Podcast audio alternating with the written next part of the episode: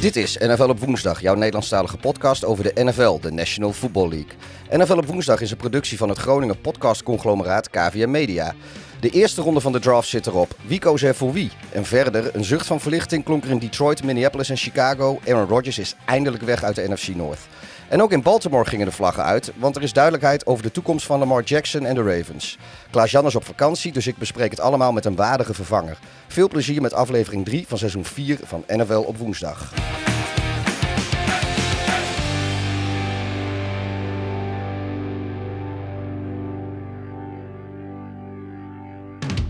Nou, alsof je het al eh, vaker hebt gedaan, eh, Ja. Pieter. Zelfs gewacht tot de roffel. Eh, nou ja, de vaste luisteraars horen het al. De waardige vervanger is niemand minder dan Frank Metsenmakers, onze Tilburgse correspondent. Hoe is het. Frankie? Ja, goed. Kort nachtje gehad. Eh, echt net een kwartier geleden het, het werk voor deze week achter me gelaten. En ja, na een uur, paar uurtjes vanochtend me nu weer volledig op, op die draft storten. En alles wat er gebeurt in de NFL. Ja, mooi. Je Koningsdag, hoe was dat? Dat was de reden van je korte nachtje, denk ik. Nee, de draft, hè? En je hebt geen Koningsnacht. Ik heb foto's gezien. Nee, nee, nee, Koningsnacht was de nacht ervoor. Oh ja, ja jongens, Ja. ik zit, ja, ik, ik heb mijn Je zit- Koningsnacht, die, daar heb ik gewoon gewerkt. En mijn eh, Koningsdag stond in het teken van Metallica. En inderdaad, s'nachts ook de draft. Dus het is echt allemaal langs me heen gegaan. Als, Ja, precies. Ware nee, nee, nee. republikein. T- Tilburg Zingt was weer, eh, was weer een groot succes. En gisteren rustig aangedaan. En eh, ja, toen wilde ik eigenlijk op tijd naar bed gaan om vroeg op te staan voor de draft. En toen kwam het nieuws van Lamar. Dus dat was gooide je- allemaal roet in het eten. toen was je helemaal twee- hyper. Ja, toen heb ik weer twee uur niet kunnen slapen. En eh, ik mocht van mijn vrouw ook niet meer op bed springen en zo. Dat, dat was allemaal eh, crisis in huizen met smakers. Maar de blijdschap was er niet, niet minder om. Ja, En bij jou, en bij jou hoe, hoe is het om die intro eh, te doen zonder, eh zonder Klaasie? nou ja, normaal zit ik dan nog eh, een beetje, beetje wezenloos voor me uit te staren. En luister ik gewoon half naar wat Klaas-Jan inderdaad allemaal oprafelt aan, aan textuele geweldigheden. Maar ja, nu moest ik het allemaal zelf doen. En nou, dat voelt toch wel een beetje anders. Ik mis Ja, hem nu al. Niet, dat, niet, niet, ik, niet, niet dat jij niet goed bent of zo, maar ik ben heel, heel blij met je. Maar ja, ik, ik, het is sowieso een beetje onwerkelijk podcasten, want ik kijk om me heen en ik zie alleen maar lege stoelen aan de, aan de tafel hier in de studio. Ja, dat heb je nog nooit gedaan, denk En, ik. eh, wel? Het is letterlijk een, le- een, een lege KVM Media Ja, studio. Heel HQ is, eh, is hartstikke leeg. Ik ben de enige hier. Ik, dat was wel zo prettig toen ik net even uitgebreid naar de wc ging. Sorry eh Klaas-Jan als je luistert, maar ik heb wel geborsteld. En, maar ja, dit, ja dit, het is wat onwerkelijk. Ja, snap ik. Dus, Snap eh, ik. ja. En hoe, eh, hoe ben je bekomen van de, van de laatste aflevering? Want die, eh, die was op zijn zachtst gezegd wel bijzonder om naar te luisteren. Daar kan ik me echt helemaal niks meer van herinneren, joh, die aflevering. Nee, nee dus zoals iedereen weet die die aflevering geluisterd heeft, was die bij de, in de voorbereiding naar de aflevering toe was het helemaal uit de hand gelopen. Qua eigenlijk alles. Eten en drinken en, en weet ik wat allemaal. Maar we, we, we vonden onszelf nog prima in staat om een podcast op te nemen. Maar ik heb, eh, ik heb er een heel stuk van teruggeluisterd. En achteraf was het misschien... eh, ja, waren we misschien toch iets minder goed. Hoewel ik... Zoals eh Die- die intro had ik echt zoiets- zei, hè? Ja, wat zei hij? Hij zei het eerste kwartier van NFL op woensdag seizoen 3, aflevering 3, hoort in het Groninger Museum. Twee, wat, dat was de aflevering. Dit is toch 4, 3? Oh, dit is 3, ja, dat, is aflevering 2. Ja, klopt. Seizoen 4 trouwens, aflevering 2 was het. Ja, seizoen 4, aflevering 2. Ja, nee, de, ik, ik luisterde dat eerste kwartier, 20 minuten ook terug. En ik hoorde mezelf uh, ouwe hoeren over uiers en kaas. En ik had echt zoiets van, jezus, waar gaat dit over? Maar uh, ja, eigenlijk hebben we alleen maar positieve reacties gehad. Dus uh, niet, ik, dat wil niet zeggen dat we daar een gewoonte van gaan maken. Maar uh, ik sluit ook niet uit dat het nooit meer gaat gebeuren. Ja, en ik ben nog steeds vriend van de show. Ja, uh, als ik jullie waar. goed, goed heb beluisterd. En dronken mensen zeggen altijd de waarheid. Dus waarvoor dank. Nou, graag gedaan. Graag gedaan. hey, um, jij noemde het net al even dat, dat je niet meer op bed mocht springen van, van jouw EGA. En dat was natuurlijk omdat jij helemaal in de wolken was uh, met, uh, met het feit dat jullie voorlopig nog, uh, nog Lamar Jackson in het Ravens paars kunnen zien. Ja, dat klopt. Het, grote nieuws, of de kogel is door de kerk. Hè? De, de Ravens en Lamar zijn er eindelijk, zijn er eindelijk uitgekomen. Het, Ja. het- nou ja, ik, ik zei het eh, vorige week al eh, buiten de podcast, maar eh, het contract van Jalen Hurts eh, kon wel eens heel goed zijn voor, eh, voor Lamar. Omdat Hurts in tegenstelling tot, eh, tot Watson niet voor een volledig gegarandeerd contract ging Mhm. de Eagles dat ook niet wilden bieden. En daarmee de, de markt weer een beetje wegtendeerde van dat, van dat fully guaranteed eh, idee. En daarbij ehm, zag je ook dat de komst van Odell Beckham uiteindelijk voor Lamar ook een, een signaal was dat de Ravens het echt wilden. En partijen zijn er, zijn er eergisteravond laat. Want eh, Eric de Costa was de Celtics tegen de Hawks aan het kijken. Eric de Costa, de general manager van de, van de Ravens. Dus even Hij is een enorme eh, Celtics-fan. basketbal eh, playoffs te kijken. Precies, dat is, hij is een Celtics-fan. En, en, en ja, degenen die dat niet gezien hebben, de, de Hawks wonnen op opzienbarende wijze in de laatste seconde. Ehm, maar die pijn van die nederlaag was hij snel vergeten toen hij het appje van Lamar kreeg dat, dat ze er min of meer uit waren. En eh, dat was voor de Ravens natuurlijk ook het, het best mogelijke scenario op het best mogelijke moment. Want daarmee kon, eh, kon zekerheid gegeven worden voor de draft. Wisten de Ravens ook dat ze niet, eh, niet quarterback hoefden te gaan en konden ze hun, ja, hun strategie daar mooi op aanpassen. En Lamar zelf, ja, hij tekent het. Hij wordt de best betaalde speler aller tijden in de, in de NFL. Hij tekent een contract met eh, 185 miljoen gega- gegarandeerd. En een totale waarde in vijf jaar van 260 miljoen. Alsof je Dat is exact leeg 1 gooit. miljoen, 1 miljoen per jaar meer dan Jalen Hurts. Het is toch altijd een, een spelletje van wie heeft de Ja. langste. En eh, daar is dit ook weer een mooi voorbeeld van. Maar eh, wacht even, ik wil even terug naar iets wat je, wat je, wat je net al zei. Dus eh, Eric Da Costa, de general manager van Baltimore, Ja. die kreeg van Lamar het bericht dat ze eruit waren. Niet van de front office of van iemand in de front office. Nee, hij kreeg het appje van, van Lamar zelf. Dus het, het zat ook in die fase, denk ik, van de onderhandelingen, dat er ook echt niemand meer tussen zat. En Ja. eh, ik denk dat Lamar het eh, Eric eh, zelf wilde, wilde laten weten. Ja, nou ja, hij, hij had ook En, geen agent die dat voor hem kon doen. Nee, dat is ook waar. Daar is ook genoeg over gezegd. Maar ja, nu is dat Ja, hele nu- argument ook weer van Ja, tafel. dat is, want eh, dat, dat, is van, dat is van tafel. Hoewel... de twee grootste contracten bij de, bij de Ravens zijn nu gesloten door spelers zonder agent. Roquan Smith en, en Lamar Jackson. ho, ho, Dus- Saint Omni.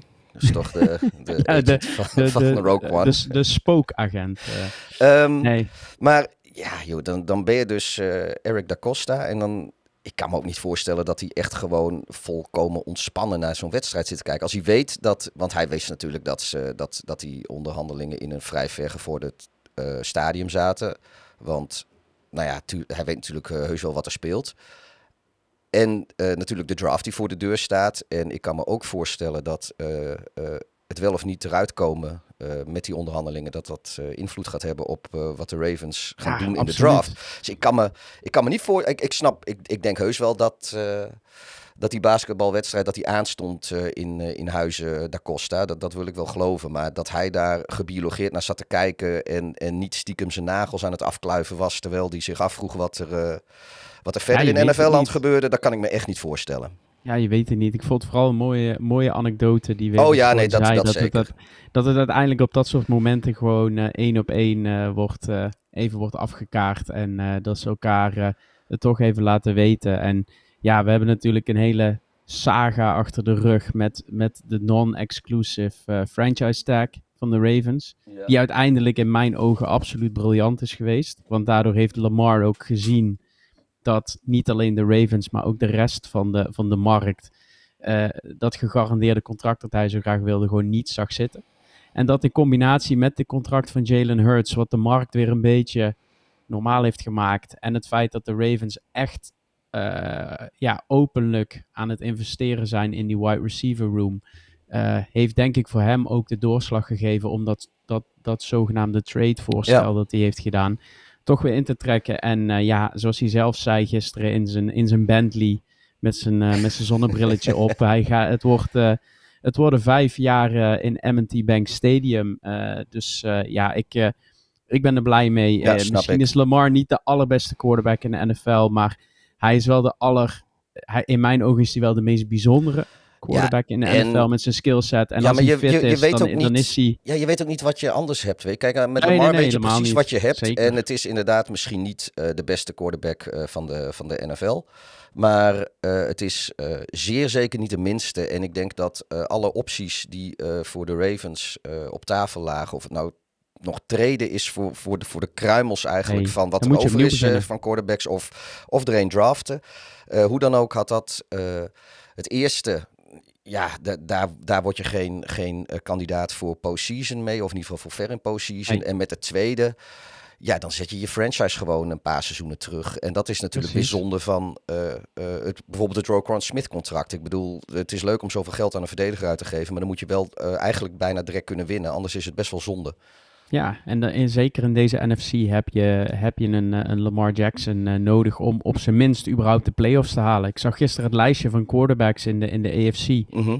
Eh zit Rodgers nu natuurlijk ook bij, komen we zo even op. Ja, er gaan gewoon fantastische quarterbacks gewoon de playoffs missen, ieder jaar in deze Ja. AFC. En dat, eh, ja, dat, het verschil met de NFC eh, is, is daarin eh, wel groot. En een ander ding, ehm, ik zeg ook van het contract van Jalen Hurts, ja, dat wordt eigenlijk gewoon een, een blauwdruk voor wat, wat Justin Herbert en, en Joe Burrow ook gaan vragen. En normaaliter ook gaan krijgen. Ja. Dus hoe eerder deze deal met Jackson weer, eh, eh, weer rond was, hoe, ja, hoe beter het is voor de Ravens. Want ik weet zeker binnen nu en een paar maanden is hij niet meer de best betaalde Nee. speler in de NFL. Het En dan ook, is het een eh, van deze twee, eh, een van deze twee quarterbacks Ja. die ook gewoon vastgelegd gaan worden. Ik heb in, eh, in die eh, legendarische eh, eh, vorige uitzending eh, heb, ik, heb ik het eh, een poosje gehad inderdaad over eh, het contract van, eh, van Jalen Hurts met hoe zich dat gaat verhouden eh, tot het contract wat eh, in ieder geval Joe Burrow, maar eh, ook eh, Herbert eh, tegemoet kunnen zien. En ik denk dat, eh, dat de Ravens eh, er weer eh, eh, mooi, eh, mooi uitkomen dat, ze, dat zij eh, Lamar een contract hebben gegeven voordat Burrow eh, dat gaat krijgen. Ja, daarom. En ja, hij, hij is, Lamar is geliefd in. Baltimore. Eh, hij past bij de club, hij past bij de franchise.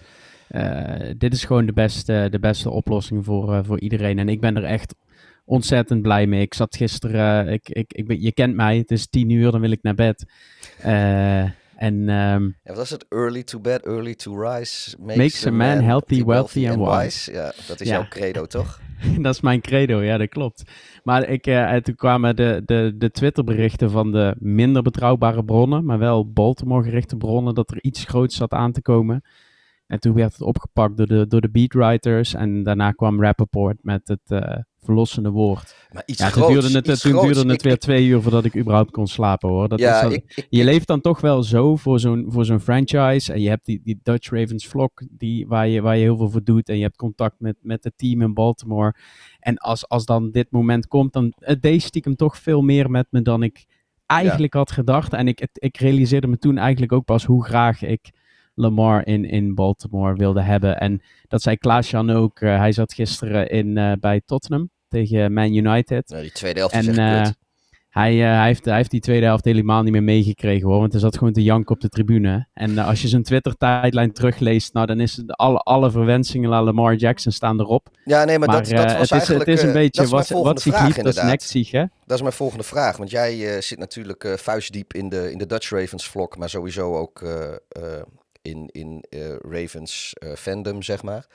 Eh, er was natuurlijk een behoorlijk deel van, van, de, van de aanhang daar die, die het eigenlijk wel een beetje, een beetje gehad hadden met Lamar. Jackson. Waaronder dus mijn zo enorm geliefde co-host van deze show. Is dat in één keer allemaal weer koek en ei? Of hoe schat jij dat in? Nou, er zijn nog wel een aantal leden die vinden dat het heel veel geld is. Eh, maar er- iedereen houdt wel van Lamar. En ik, ik ben dan de meest zakelijke, denk ik, in die hele, hele vlog. Dus ik ga dan helemaal uitschrijven en uitleggen wat nou de opties zijn. En waarom dat de Ravens dit doen. En dat 200 zoveel miljoen voor Lamar eigenlijk helemaal niet zoveel is. Maar het, het, het gros van, van, van, van de vlog is toch eh, standje onderbuik. En eh, ja, er is een hoop uit die onderbuik gekomen. En het is, het is nu met hindsight ook denk ik wel leuk om weer eens een keer terug te scrollen in die, in die chatgroep eh, en te kijken wat er allemaal gezegd is. Maar de, de, de Ravens hebben het uiteindelijk, eh, j- jij had het erover in de podcast, zijn zij die stabiele franchise nog wel die ze altijd zijn geweest. En ik denk dat dit eigenlijk het zoveelste voorbeeld is dat zij heel gedurfd, maar heel goed beleid hebben gevoerd, wat uiteindelijk leidt tot dit, uh, ja. tot dit contract. En ik denk namelijk dat dit bij heel veel NFL-franchises uh, niet was gelukt of tot een, een, een, definitieve breuk had, had geleid. Dus het, het, laat zien dat het toch eigenlijk wel, wel goed zit in, in Baltimore. Ja, en dan even een, een, laatste vraag, denk ik hierover ten opzichte van eergisteren, hoe rank jij de Ravens nu in de AFC? Is daar wat aan veranderd? Of had jij altijd wel het idee dat, dat het met Lamar goed zou komen? Dus als je nu... Uh... Ja, voordat... Eigenlijk moet je het vragen voordat de Beckham trade kwam. Dat, is, dat was eigenlijk mijn punt waarbij ik zei van... Ja jongens, dit is zo ver van een, van een overeenkomst. Hurts had niet getekend. Lamar had het tradeverzoek. Ja, toen had ik wel zoiets op het moment dat Lamar onder de cap blijft, maar die tra dat tradeverzoek heeft liggen, dan heb je en geen QB. Dus je hebt en geen quarterback, en geen cap, en geen picks. Want de Ravens hebben maar vijf picks dit jaar. Nu nog vier na gisteren. Um, ja, daar sta je gewoon een jaar stil. En dan, dan moet je een keuze gaan maken. Ga je dit roster bij elkaar houden? Je hebt Roquan betaald, je hebt Andrews betaald, je hebt Stanley op de offensive line betaald, je hebt Tucker onder contract. Wat ga je dan doen? Moet je een keuze gaan maken, ook na de draft toe. En vanaf het moment dat Beckham gesigned werd en daarna het contract van Hurts kwam, ging dat narratief eigenlijk draaien. En nu zie ik de Ravens. Ja, ik, ik, ik zie de Ravens nu gewoon als een. Uh, wat ik ze vorig jaar ook zag.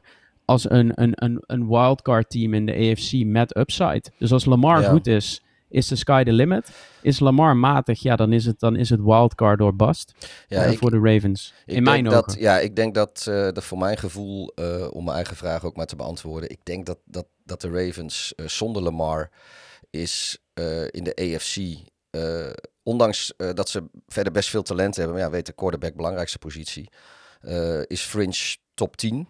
Er net wel in of, of, of misschien ook wel niet. nu dit nu dit allemaal rond is, ervan uitgaande dat Lamar gewoon het hele seizoen speelt, want daar ga ik altijd vanuit in voorspellingen. Uh, denk ik dat, dat ze top 5, top 4 in de AFC eh, misschien wel zijn. Nou, dat, ik, is, dat is nog positiever dan dat ik ben. Ja, nou weet je, om, omdat, nou ja, wat, wat, jij noemde, gewoon de stabiliteit. Maar ik heb ook het idee dat, dat, ze, dat ze bij de Ravens zijn ze voor een groot deel zijn ze op elkaar ingespeeld. Uh, uh, kijk, Lamar zit er al een poosje. Uh, iedereen daar draagt hem op handen. Zijn teamgenoten sowieso. ook ja. al misschien een deel van de vlok even niet. Maar dat, dat zal Lamar verder niet zoveel kunnen schelen, ben ik bang. Um, en Roquan, die dus aan de verdedigende kant van de bal uh, nu heel veel geld heeft opgestreken. En dus zeg maar nu zijn eerste echte seizoen, inclusief dele voorbereidingen gaat. Dat was al een perfecte scheme fit. Dus Klopt. die, en ook nu, wordt nu alleen maar beter nu die dele voorbereiding heeft. Dus ik denk dat zij uh, uh, misschien ja, ik was meer nog Chicago dan... fan van. Ja, misschien nog Toen meer... hebben we hem samen zien spelen. En toen zeiden we ook tegen elkaar, we zaten naast elkaar bij Ravens Bears. Toen, zei, toen heb ik nog tegen jou gezegd van ja, hij is echt een, hij is eigenlijk gewoon een Ravens-speler in een, ja. in een Bears jersey. Ja, nee, dat was klopt. de beste speler op het veld maar hij is ook qua persoonlijkheid past die, uh, past die enorm goed ja. in, dit, uh, in dit roster. Dus ik, ja, ik ben het met je eens. Ze hebben, ze hebben nu een leider op offense en een leider op, uh, op defense. En het gaat erom, kunnen ze de, de, de, de gaten die ze nu nog in dat roster hebben, ja, richting uh, het einde van de draft en dan het laatste stukje free agency kunnen ze die dichten. Ja, nou, ik denk dat, uh, dat, dat de gaten die er zijn niet eens meer uh, heel groot zijn. Dus we gaan het zien, Frank. En ook de Ravens vlog die kan natuurlijk niet meer wachten tot, tot het seizoen gaat beginnen. Nee, en ik kan niet wachten tot uitkomt hoe de centjes nou verdeeld gaan worden. Want dat is nog even ongewis. Uh, hoeveel cap space dat de Ravens overhouden ah, is, en hoeveel uh, void years erin zitten. Dat, dus. is, dat is fluide, joh. Dat, dat komt allemaal wel goed. Ja. Daar, uh, dat, ik, ik kan me niet voorstellen dat ze daar in Baltimore nou de mis mee ingaan. Nee, maar daarmee kunnen ze nog wat space creëren die ze wellicht dit offseason nog kunnen gebruiken. Als Lamar minder dan 34 miljoen op de cap gaat hebben, wat hij nu door de tag heeft, komt er weer wat ruimte vrij om iets te doen, hè? Ja, dat is waar. en dan het andere grote quarterback nieuws, Frank. Dat is ja, dat is meer, uh, meer jouw pakje, Jan. Hè? Ja, het is... Uh... is eigenlijk, eigenlijk het omgekeerde nieuws. Ja. Dus wat voor mij Lamar is, is voor jou ah, iedereen behalve Rodgers. zeg maar de totaal omgekeerde QB-situatie. Ja, ik, ik, ik, ik, ik moet ook, weet je, ik, ik moet ook eerlijk zeggen... Nee, ik, ik, ik vind het... Uh, ja, het is prima dat die deal rond is. En ik vind het ook Heb je de deal? Kun je hem even, even, Eh, de- even de- eh, uit de doeken doen Ja, voor de luisteraar? eh, ik heb hem zo niet- erbij, maar la- laten we het erop houden. Want er- er zijn heel wat picks en waaronder pick swaps zijn er eh, betrokken eh, in deze deal. Maar laten we het erop houden dat Zal ik eh, hem dit, even dit jaar is het een tweede ronde pick. Volgend jaar ook. Tenzij Aaron Rodgers meer dan 65% van de snaps voor de Jets gaat spelen. Wat mits hij fit blijft natuurlijk geen enkel probleem gaat zijn. Dan wordt het een Nee, eerste ronde pick. En verder is het wat heen en weer geswap in wat latere rondes. Ja, en, de- en dat vind ik niet zo heel interessant. Maar De, ja, als je de hebt. Jets krijgen de vijftiende pick. eh, waar eh, waar de, de Packers de dertiende pick krijgen uit de draft van gisteren. Dus de een Jets pick krijgen swap van, van, twee, eh. Ja, van twee plekjes in de eerste ronde. Krijgen Aaron Rodgers en nog een vijfde pick. Nou, dan krijgt, dan krijgen de Packers weer de zesde pick voor terug. Dus je hebt in principe ruil je Aaron Rodgers voor een tweede ronde pick. En een conditionele tweede die een eerste kan worden. Ja, en Dus dat is, eh, ja. In, in- en nogmaals, ik heb de, de financiën nog niet gezien. Want ik heb ook even het contract van Rodgers er even bijgepakt. En ja, de dat, dit jaar eh, die blijft 60 miljoen. Maar ik kan niet zomaar zien wie die gaat dragen nu. Nee, ik, dat is volgens mij. Ik heb dat ook nog niet helemaal kunnen vinden in hoeverre de, de, de Jets eh, cap eh, casualties, zeg maar, voor. Maar in het, in het kort. ik mag toch hopen dat dat niet zoveel is. Ja, in het kort zie je dus dat, dat de Jets eigenlijk betalen voor Rodgers. In combinatie met behoud van hun first round pick. Ja. En eh, daarom betalen ze eigenlijk eh, best wel, in, in mijn ogen best wel een hoge prijs. Ik denk dat de, dat de Packers het best goed gedaan hebben. Ja, het, het kan natuurlijk Los ook even zijn. van de financiën, Ja, dat, moet ik nog zien. Ja, want het kan ook zijn eh, dat, dat Green Bay voor het leeuwendeel van de, van de cap hit opdraait. Ja. draait En dat de Jets daar ook voor betaald hebben. Ja, en dat we weten nu wat de Jets met die first round pick hebben gedaan. En ik denk dat ik van alle Nederlanders nog degene ben die daar het beste over kan oordelen. En da- daar was ik eigenlijk ook best verbaasd over. Ja. Daar komen we zo wel even op. Maar de, de, ja, de Jets hebben, hadden ook onderhandelingstechnisch niet een hele goede positie volgens mij. Want eh, ja, zij, zij hadden gewoon één doel. Dat was Aaron Rodgers halen. Er was geen plan B. Dat wist iedereen. Dit moest worden. Ja, en de en- Packers hebben dat to- toch nog best lang, eh, best lang weten te rekken. Ja, tot ze de wat- die eh, ze wilden. Ja, en wat, wat de Jets natuurlijk ook niet zo handig gedaan hebben, vind ik, is dat ze eigenlijk voordat ze, tenminste dat idee heb ik, voordat ze met Green Bay eh, eh, overeengekomen waren, wat nou precies eh, in grote lijnen de compensatie moest zijn voor, voor deze trade, hadden ze zich dus eigenlijk al aan Aaron Rodgers gecommitteerd. Ja. En, en, en, en ik vind de prijs die ze betalen in een vacuüm vind ik het een, een prima trade van, van beide kanten. Maar de NFL wordt natuurlijk niet gespeeld in een vacuüm. En deze trade is dus ook niet eh, eh, geweest in een vacuüm. Want eh, een aantal maanden geleden eh, stond Rodgers nog op het punt van met pensioen gaan. En als je maar voor één seizoen Aaron Rodgers krijgt, vind ik het verschrikkelijk veel geld. Heel veel. Of, ik eh, vind, geld, ik vind eh, het verschrikkelijk veel- veel- al veel- veel geld. Is, maar aan de andere kant, weet je, de, eh, ik heb dit, eh, eh, dit hoorde ik ergens. Eh, ik weet wel precies waar, maar dat, dat is allemaal niet zo belangrijk. Maar de, de, de, de Jets die zitten natuurlijk in een situatie dat ze eh, over, de, over de hele genomen best wel een, een hele eh, goede selectie aan spelers hebben. Alleen Klopt. ze missen gewoon een quarterback. En daar hebben ze nu heel duur voor moeten. Eigenlijk moeten ze betalen voor het feit dat eh, Wilson, Zach Wilson, een, Ja. een, bust is. En dat dat kost klopt. ze gewoon Dat heel veel geld. helemaal. Of heel veel draftkapitaal. En kijk, mocht het zo zijn dat. Eh, dat de Jets de, de, de Super Bowl gaan winnen eh, dit jaar of volgend jaar als, als Rodgers nog een tweede jaar is. En hij heeft zelf Nou, een nou beetje... heb- hoor je niemand meer. Nee, hij heeft zelf al aangegeven dat, eh, dat hij. hij heeft niet gezegd dat hij, dat hij weet ik hoe lang nog blijft spelen. Maar hij heeft al wel weer door laten schemeren dat, dat wat hem betreft het echt niet voor één seizoen is. Ehm, maar ja, goed, we weten allemaal eh, de, hoe de Ja, wind waait. eh, 39, hè? ja, hoe de wind waait, waait zijn jasje. En ik denk dat ze in New York eh, heel erg hebben gekeken naar Brady, die naar de, de, de Buccaneers ging. En daar meteen de Super Bowl mee, mee haalde en won. Ja, het probleem van de Jets is, is dat ze in de AFC zitten. Ja, dat wou ik net zeggen. Kijk, Tom Als Brady... zij in de Tom, NFC ja, Tom, Tom zouden Brady zitten, ging, ze meteen ja, Super Bowl contender ja, zijn. want de- Tom, Tom Brady ging van de AFC naar de Ja. NFC, waar het eh, nou ja, op, op Rodgers eh, eh, na dan. En toen eh, Russell Wilson natuurlijk ook nog eh, Die was toen ook nog wel wat beter dan Ja. dat hij het afgelopen seizoen was. Maar goed, eh, dat was redelijk, eh, redelijk karig wat betreft quarterbacks. En ehm, dit gaat precies de andere kant op. Eh Rodgers die gaat van een, eh, een redelijk eh, quarterback-arme conference, gaat hij naar, naar een stacked. Dus het is...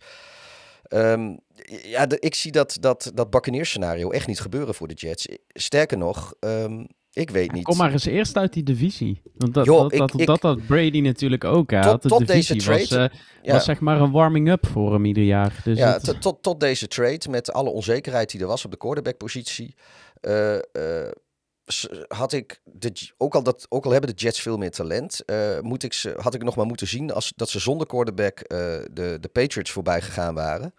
Eh, nou ja, goed, nu is dat denk Tuurlijk, ik wel ja, zo, maar je kan nog discussiëren in, en het is natuurlijk vroeg in het seizoen, of eh, het seizoen is nog helemaal nog niet begonnen zelfs, Ehm, maar of ze nu überhaupt wel hoger zijn dan het derde team in de divisie. Want als, als Tua eh, fit Ja, blijft, dan zijn de Dolphins misschien zo, zijn, Ja. die, die, die zijn zomaar beter. Die hebben daar eh Vic Fangio nu ook op de defense Ja. zitten. Nou, dat, daar verwacht ik ook altijd veel van. Die ken ik natuurlijk redelijk goed.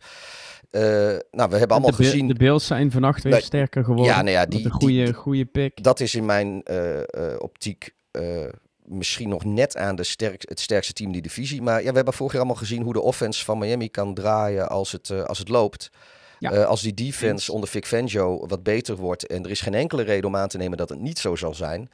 Ja, dan zullen de Dolphins, die, eh, die, die zie ik zo, eh, de Bills eh, het moeilijk maken. Maar of de Jets zich met Rodgers in dat geweld kunnen mengen, dat, ik weet het niet. Dus dan is het Nou heel ja. veel geld om, om, om met, met, met de hakken over de sloot als derde in je divisie misschien een wildcard te halen.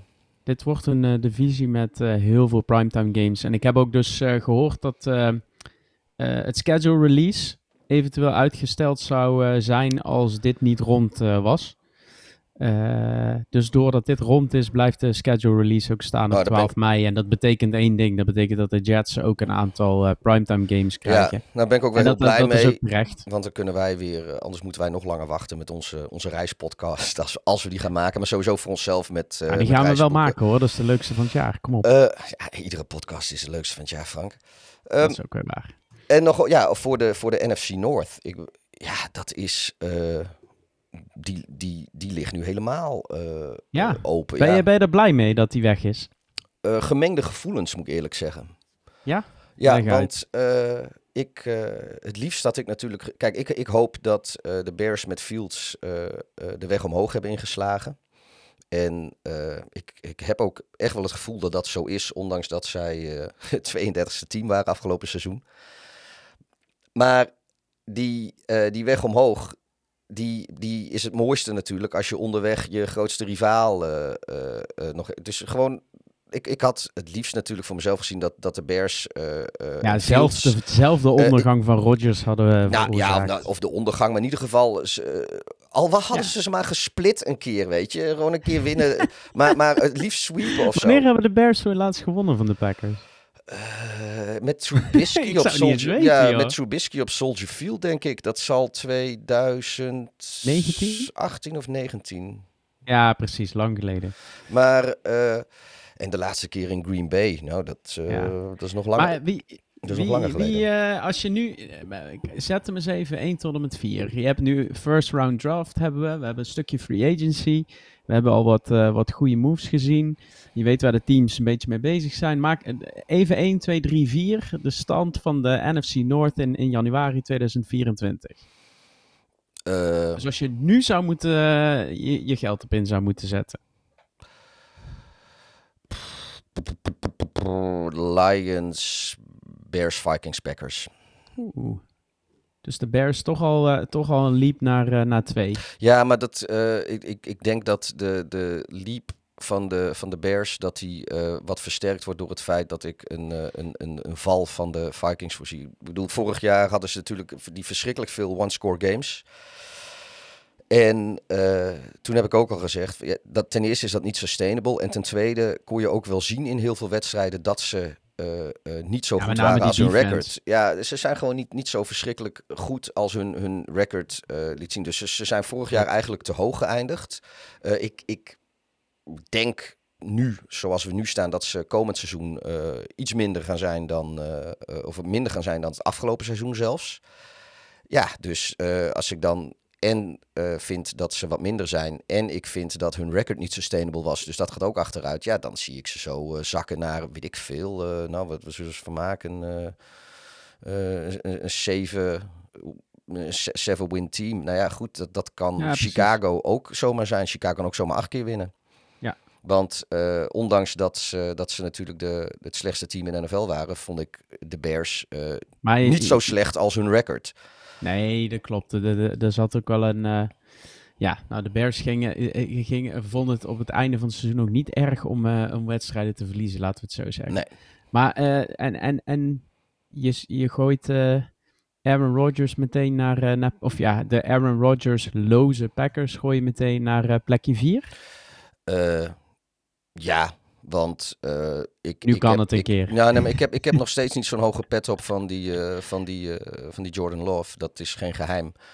Um, en nu in de eerste ronde hebben ze weer niet aanvallende, een aanvallend wapen voor, voor, voor hun quarterback gedraft. Ja, wel die, een geweldige speler. Hè? Die ze prima oh. kunnen gebruiken. Maar die. Ja, weet je wat het is?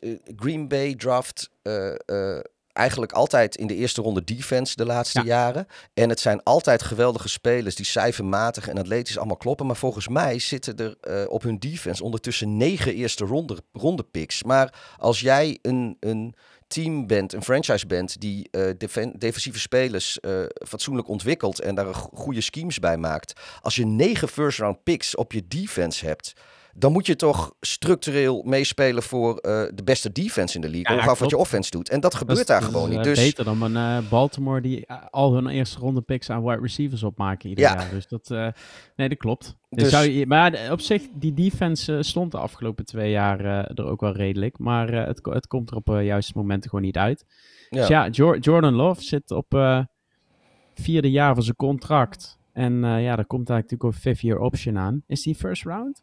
Ja, uh, ja dus ze hebben er zelfs nog een beetje voor omhoog getrade. Ja, precies. 26 overall zie ik je. Dus dat, ja, dat, is, uh, dat wordt nog leuk. Ik ben, heel, ik ben heel benieuwd naar die divisie. Net ja. Als, ja, het zit zo goed in elkaar, die NFL. Nou, um, nu voordat het, we naar de draft gaan, nog oh. even één hele belangrijke zaak. Oh ja, dat is wat ja. niet bij. Ja, want Klaas is er niet bij. Nou kunnen we het over de ja, echte belangrijke zaken des ja. levens hebben. Ja. Um, de nieuwe shirts van de Arizona Cardinals, Pieter. Wat, uh, wat vind je ervan? Uh, ik, moet, je moet eigenlijk nu een beetje zo'n eigen huis- en tuinmuziekje eronder zetten. Een beetje het modesegment hier. Ja, sorry, die, die heb ik niet. Ik, of, of een, een quote van... Uh, God, weet, er was altijd zo'n zo zo die gast van die Robijn reclame van vroeger. Zo'n zo'n zo'n zo'n Nederlandse modeontwerper. Ja, maar doet er ook niet toe. uh, met zo'n zachte G. En um, was even Frank Govers of zo? Nee, weet ik veel. Dat was het vast niet. Maar dat doet er ook niet toe. Ze zijn lelijk dat doet er wel toe. Het is, uh, ja, sorry, het is, het is al dat ze rood, rood zijn, maar volgens mij zijn ze rood omdat... Kun je ze omschrijven even voor de, voor de luisteraar? Nou, ze zijn dus uh, uh, rood omdat de spelers die ze dragen, die, die hebben gewoon tranen van bloed die ze huilen. En, en dat stroomt naar beneden en dat, dat kleurt dat shirt. Het is echt, ja. echt, ja, ik weet nou, niet. het is, het, laat, even zo zeggen, het, het thuisshirt is nu eh, van dat rood-wit. Ik vind die kleur rood ook een beetje, altijd een beetje lafjes. Maar is het nu helemaal rood geworden en er staat heel groot Arizona op de borst. Dan hebben ze het, het, het uitshirt, zeg maar, hebben ze in het wit. Maar dat is een beetje een soort Ohio State gestolen grijs zit erop. Ja. En dan hebben ze het derde shirt, is dan is al populair tegenwoordig, is dan de All Black. Die moet er dan zijn. Ja. Maar het lijkt ook net of een, of een stagiair er een kwartiertje op heeft gezeten. En dat ze dachten, ja, het moet naar de fabriek, laten we het maar doen. Ja, ik vind een beetje, um, wij, wij hebben uh, het, het uh, natuurlijk uh, in het verleden gehad over toen de Atlanta Falcons met hun nieuwe jerseys kwamen met dat ATL erop. En ja, uh, je hebt ook een beetje dezelfde color scheme. En die, daar waren wij al niet wild enthousiast over. Nee. En het lijkt, dit is gewoon een beetje de Aldi-versie van wat uh, de Cardinals zijn. Dat, dat ARZ ook op dat, op dat zwarte shirt. En denk ik, joh, doe normaal. Dat, dat is zo opzichtig van dat ATL. Uh, ja, ze hebben in ieder geval nu één kleur gekozen. Niet dat doorlopende wat Atlanta ja, nee, dat, dat, dat wat is vind dan je, Wat vind je van de spikkeltjes op de helm? Ja, ik noemde nou, het, het, het vogelzaad, maar ze hebben, een, ze hebben van die kleine spikkeltjes op de, op de witte helm nu. Ja, nou dat, ja, daar heb ik ik, ik zie dat niet eens. Ik, dat is mij niet opgevallen. Ehm, nee, de dat- helft van de luisteraars zit nu van jongens, Ja. ga alsjeblieft over die draft praten. Ja, nee, wij vinden het altijd mooi. ook als Klaas-Jan vindt dat ook mooi om dat zo lang mogelijk uit te stellen. En eh, bij zijn absentie moeten we toch die traditie een beetje hoog We houden. maar we, eigenlijk we komen er zo een op hoor. podcast over maken. We moeten gewoon een keer over, over NFL-jerseys gaan praten. Maar goed, Ja, dat, eh, voor, eh, voor we echt met de draft gaan beginnen, Ja. wil ik nog een positief ding zeggen over de Arizona Cardinal tenues. Want er is toch wel echt iets positiefs te melden. Ik vind eh, het font van de, van de cijfers vind ik wel heel goed. Ik, eh, dat, dat vind ik wel prima. Gewoon blokletters, zeg maar, of ja, blokcijfers, maar hoe ook je dat, dat straalt weer uit dat de stagiair er 15 minuten aan Ja, nee, maar ik, ik hou gewoon van, van een beetje, beetje simpelheid. Ik hou niet zo van... Ja, van de Ravens. Nou, nou nee, nee van, dat, dat, nou ja, die, die, die, die, dat font van, van die nummers, nee, dat, ik vind dat een beetje eh calligrafie-achtig. Ik denk, doe normaal, we zijn gewoon een beetje... Ik vind bij American Football be- horen gewoon eh eh, blokcijfers, of in ieder geval iets simpels. Geen gesodemieter. Ah, je bent wel blij met één type throwback in de NFL dat dit jaar terugkomt. Weet je welke, welke- ik bedoel? Eh, nee, dat, eh, dat, dat Nee, schiet mij zo niet Ja, die, eh, de, de Eagles gaan... Oh ja, die gaan eh, Kelly groen doen. throwback eh, Ja. groen spelen. Ja, nee, dat klopt. Dat, dat, dat wist ik inderdaad, ben ik heel blij mee. Alleen dat, dat was, volgens mij hebben ze- was dat al bekend voordat het af, afgelopen seizoen zo'n beetje afgelopen was. Dus hij zat niet meer helemaal vooraan in mijn geheugen. Ja, dat komt omdat ze nu eh, alternate helmen mogen dragen. Dus Ja. je mag een, een tweede ze ook het helm, oude eh, en die logo, mag je tenminste voor twee wedstrijden per jaar mag je Ja. die gebruiken. En dat betekent dus dat de, de, de, de Eagles nu ook in, een, in de oude kleur groen weer kunnen spelen, omdat hij dan niet meer hoeft eh, te vloeken met, eh, met de helmen die ze hebben. Dus eh, de groene throwbacks van de Eagles komen terug, mensen. Nou, Bereid dus, je erop ja, voor. ook dat is goed nieuws in Jerseyland. hey, we hebben meer dan een half uur uit weten te stellen, Frank. Maar we gaan nu toch echt beginnen met. Nu moeten met we de inhoud draft. in, hè? Ja, we, nou ja, we, we hebben al zoveel inhoud gehad, joh. maar eh, Heb je het, heb je het eh, jingletje? Want ik weet hoe, hoe dolklaar... Ik zou ook, willen, ik zou ook wel eens dit, dit jingletje s'nachts als Klaas-Jan ligt te slapen... gewoon naast zijn, zijn bed af willen laten gaan. Maar volgens mij staat hij binnen drie seconden naast zijn bed. gewoon, heb- ik heb- dit- ik heb dit- ook dit gewoon- hoort. ik ben ervan overtuigd dat, dat in Klaas Jansen hoofd, op het moment dat hij een idee heeft, dat hij dat jingeltje eerst hoort. En dan pas schiet zijn goede idee hem Geloof te binnen. meteen. Dat, dat, eh dat van, ja, hoe, moet ik, eh, hoe ging dit nou ook alweer? Dan, ik zie hem alweer als boomer met iets van techniek, eh, zie ik hem prutsen en prutsen. En in één keer hoort hij dan, in zijn hoofd hoort hij in één keer... En dan doet hij het gewoon. Dan, dan, dan, dan weet hij in één keer weer hoe het zit. Dan staat hij met die handen in de lucht. Ja. Hij een beetje zo... Ja, oh, ja, weet je, sommige mensen die roepen Eureka! En andere mensen die hebben een soort van gloeilampje boven hun hoofd. Maar Klaas-Jan die heeft de draft jingle eh, voorafgaand aan een goed Ja. idee. Gaan we gaan 32 keer jinglen, denk ik, hè? Eh, gaan ze allemaal even, even voorbij. eh. Ja. we, hebben, we, we hebben zo goed en kwaad als het kan eh, vannacht gekeken. Jij ook? ja, ik moet wel zeggen dat ik ergens bij pick 17, 18 eh, vond ik het wel best. Want ik had een hele serie nachtdiensten gehad. En daarna Ja. was ik natuurlijk naar Metallica op en neer vanuit Groningen. Ja, toen ging En, ik naar het eh, puntje van de stoel, hè, vanaf op, 17. ja, dus dat- en op een gegeven moment had ik wel zoiets van, nou, het is ook wel, eh, het is ook wel mooi geweest. Ik moet, Als je, eh, vond je het een, een, een leuke first round? ja, ik vond het, het ja, ja, Ja, toch? Maar Ja, dat, dat komt wel als wij de boel gaan bespreken. Want laten we gewoon beginnen bij, bij de eerste pick. Want dat waren natuurlijk de Carolina Panthers die eh, omhoog getrade hadden vanaf plek 9 met eh, mijn zo geliefde Chicago Bears. En ja, die kozen de speler waarvan iedereen eigenlijk wel dacht eh, dat hij ook gekozen zou worden door, door de Panthers. Bryce Young van Alabama. Ja, ik, ik- iedereen wist dat ze dit gingen doen, denk ik. Het was voor niemand een verrassing. Nee. Ik denk ook dat van alle quarterbacks die er beschikbaar waren, dit, ondanks dat er mensen zaten te zeuren, om het zo maar te zeggen, over, over zijn lengte, denk ik dat dit de veiligste eh, keuze is geweest. Eh, dat denk ik ook. ik, hij heeft ook echt wel de potentie eh, ehm, voor de Panthers om hun eh, franchise omheen te gaan bouwen de komende jaren. Het enige waar ik nog steeds mijn twijfels bij heb, maar dat zijn de afgelopen podcasts die we opgenomen hebben, is het ook wel naar voren gekomen. Ik weet niet of zij eh, eh, nog het draftkapitaal hebben, hoewel ze natuurlijk voor CMC ook wat teruggekregen hebben. Maar ik hoop dat ze, dat ze de wapens eh, om hem heen kunnen zetten, dat ze hem in de gelegenheid kunnen, kunnen brengen om eh, te laten zien wat hij moet laten zien om, eh, om succesvol te zijn in de NFL. Ja, precies. En dat is een lengte, daar heeft iedereen het al over. Maar in, in een Drew Brees en Russell Wilson, die hebben ook laten zien dat het kan. Dus ik, uh, ik zou het ook gedaan hebben als ik de, de Panthers was. En uh, Bryce Young is volgens mij gewoon de logische first overall pick. Ja, ik hoop, ja, en, en nogmaals, als, als de Panthers ervoor zorgen dat hij. Want ik denk toch echt dat, dat de eerste. Is in ieder geval zijn eerste seizoen. dat dat echt heel lastig gaat worden voor hem. Als, als ze er in ieder geval voor zorgen dat ze ja, hem niet. Niet is soft. Ja, dus nee, maar, maar, nee, maar wel, ik bedoel vooral fysiek en voor zijn eigen zelfvertrouwen. Daar. Kijk, weet je, als hij iedere play onzeker moet zijn. of er überhaupt wel iemand vrijkomt. of dat hij zelf niet ja, de, de, turf in, in gesekt gaat worden. Ja, dan ontwikkel je je niet als quarterback. Als je alleen maar angstig om je heen kijkt. of. of Weet je, als jij niet gewoon even rustig in de, nee, in de, in de pocket. Uh, als, je, als je geen vertrouwen hebt, dan kun je niet echt ontwikkelen. Maar, en een goede coach, hè? Uh, ja, Frank dus, Wright. ja, nee. Dus de, dat, uh, ik, ik zie het wel, wel zitten. Goede pick. Ja, nou ja, de, verder is daar denk ik ook niet zo heel veel over te zeggen. Want nee. we zijn het eens. De rest is en, interessanter. En het is, ja, ondanks dat het een nummer 1 overal is, denk ik een van de minst opzienbarende of spraakmakende picks van de eerste ronde.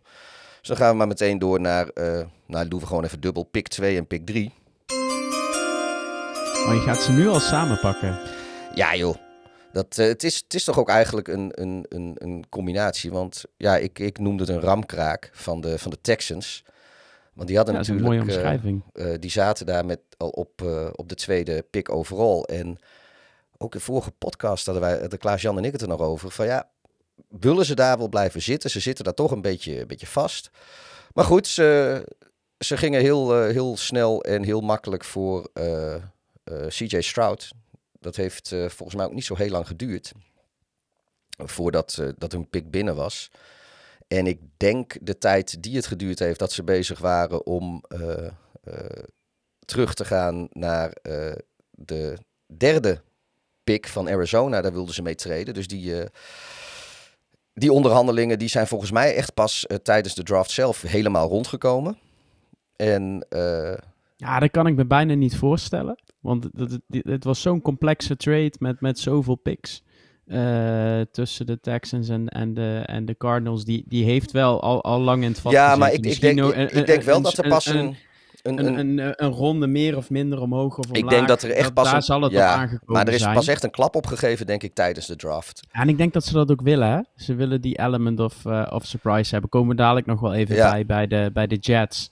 Uh, je wil niet, uh, je wil niet uh, voor verrassingen komen te staan. En je wil, ja, de, de Texans waren gebaat om dit zo laat mogelijk naar buiten te brengen. Want ja, op drie komt dan Will Anderson. Ja, en dat was eigenlijk de speler waar, waar iedereen van dacht dat de Texans ervoor zou gaan de afgelopen paar dagen. Maar nu, nu pakken ze eigenlijk beide. Want je zegt het is een ramkraak. Een nieuwe front office daar.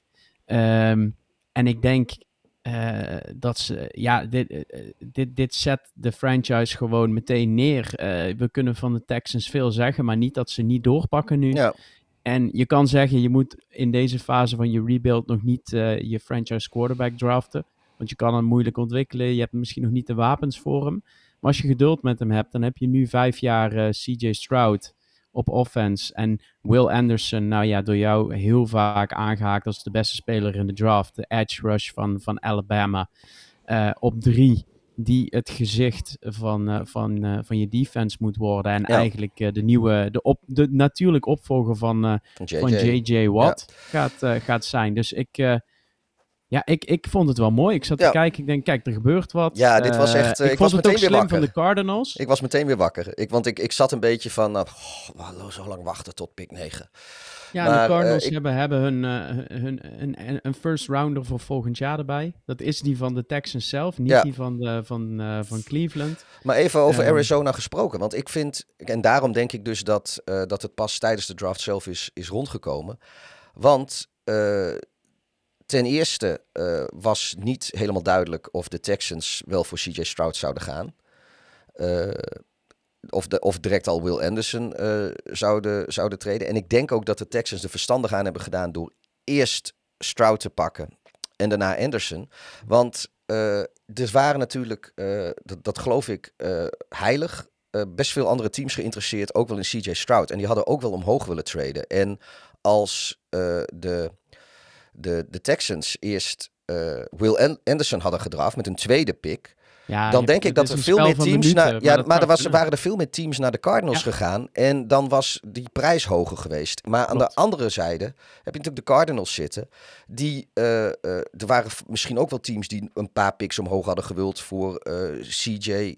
Eh, of sorry, voor, voor Will Anderson op drie. Ik, ik noem Ja, misschien wel de, Lions of de Lions of de Seahawks, die er niet al te ver achter zaten. dat, die dus eh, relatief dat de goedkoop hier eh, heel blij mee waren. ja, maar ik, ik denk dat teams als de Lions of de Seahawks, die ook draftkapitaal hebben en die er relatief dicht bij die derde pick zaten, die hadden dus voor relatief weinig draftkapitaal, hadden zij misschien wel naar met Arizona willen treden om ook een kans te hebben op eh, Will Anderson. Eens. Of, eens. of op het moment dat Stroud gedraft was, direct Will Anderson. Dus vandaar dat ik denk dat, eh, dat, dat, dat het pas tijdens de draft en tijdens eigenlijk de, de tweede pick echt rondgekomen is dat ze dat gingen doen. maar je eh, bent enthousiast, toch?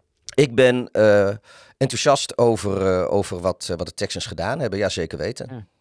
En dan wordt het in week 1, kun je nu al voorspellen wat er op het programma staat. Want dan gaan we naar de volgende pick. Oh ja, dan moet ik even weer...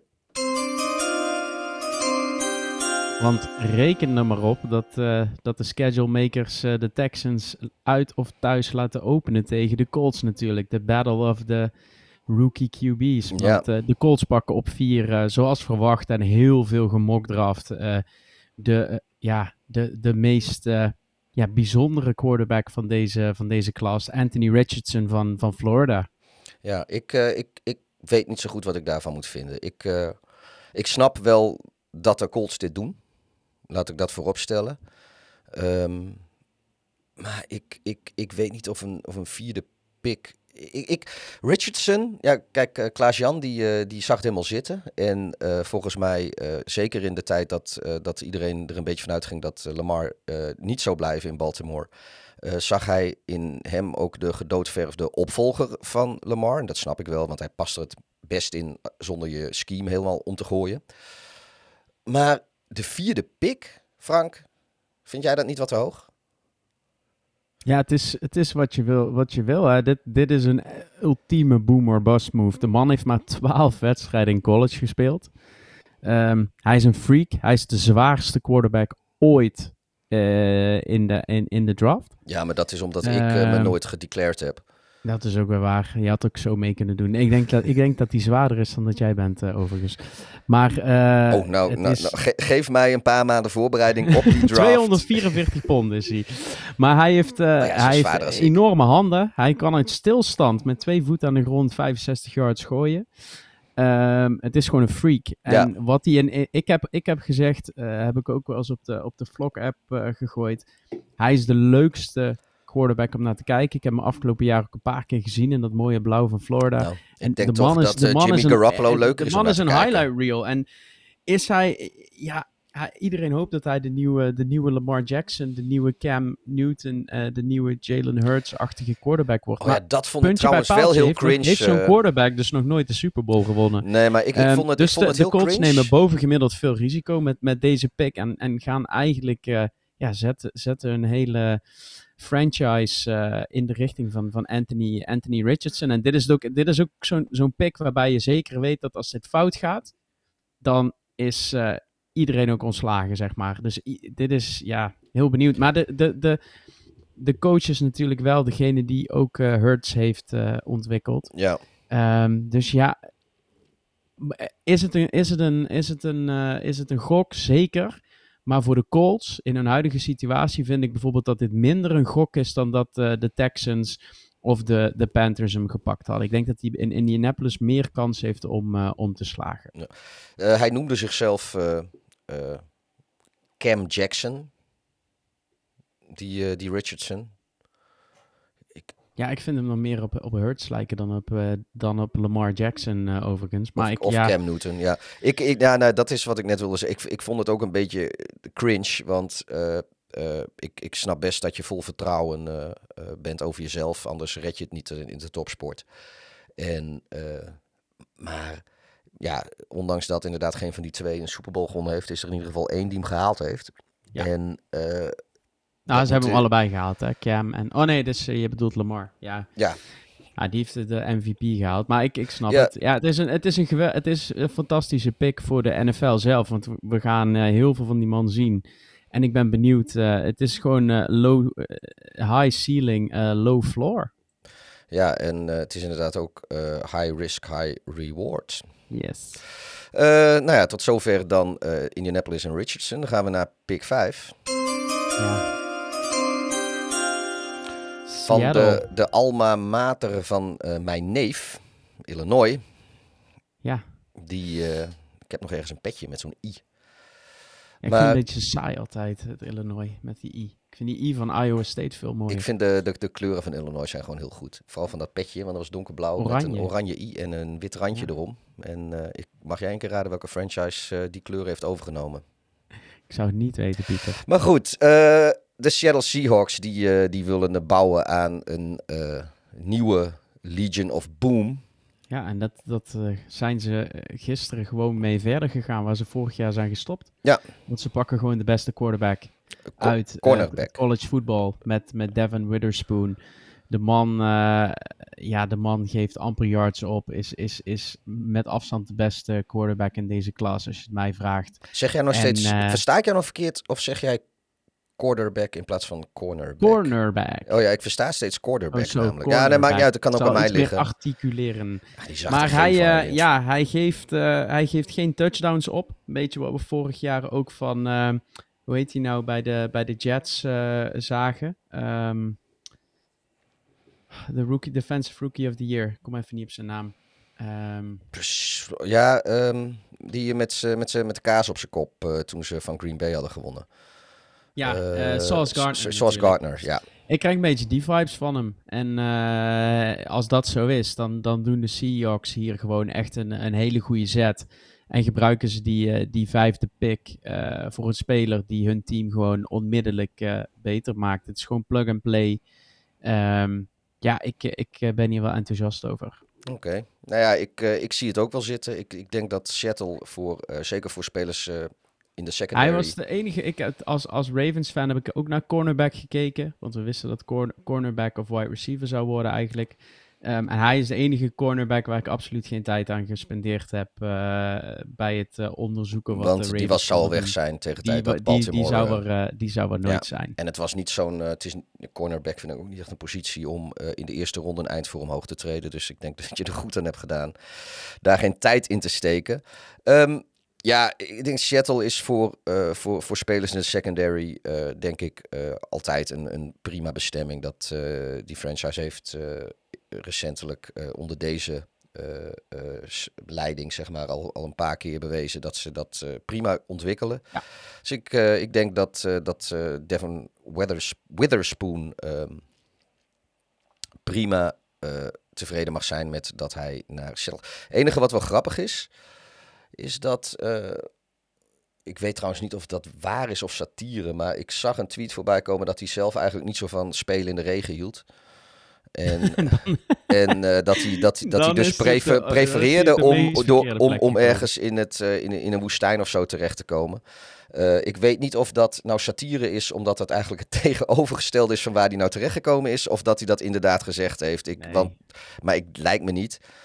Eh, er stond namelijk boven dat het 100% true verified facts waren. Dus ik neem aan dat het satire was.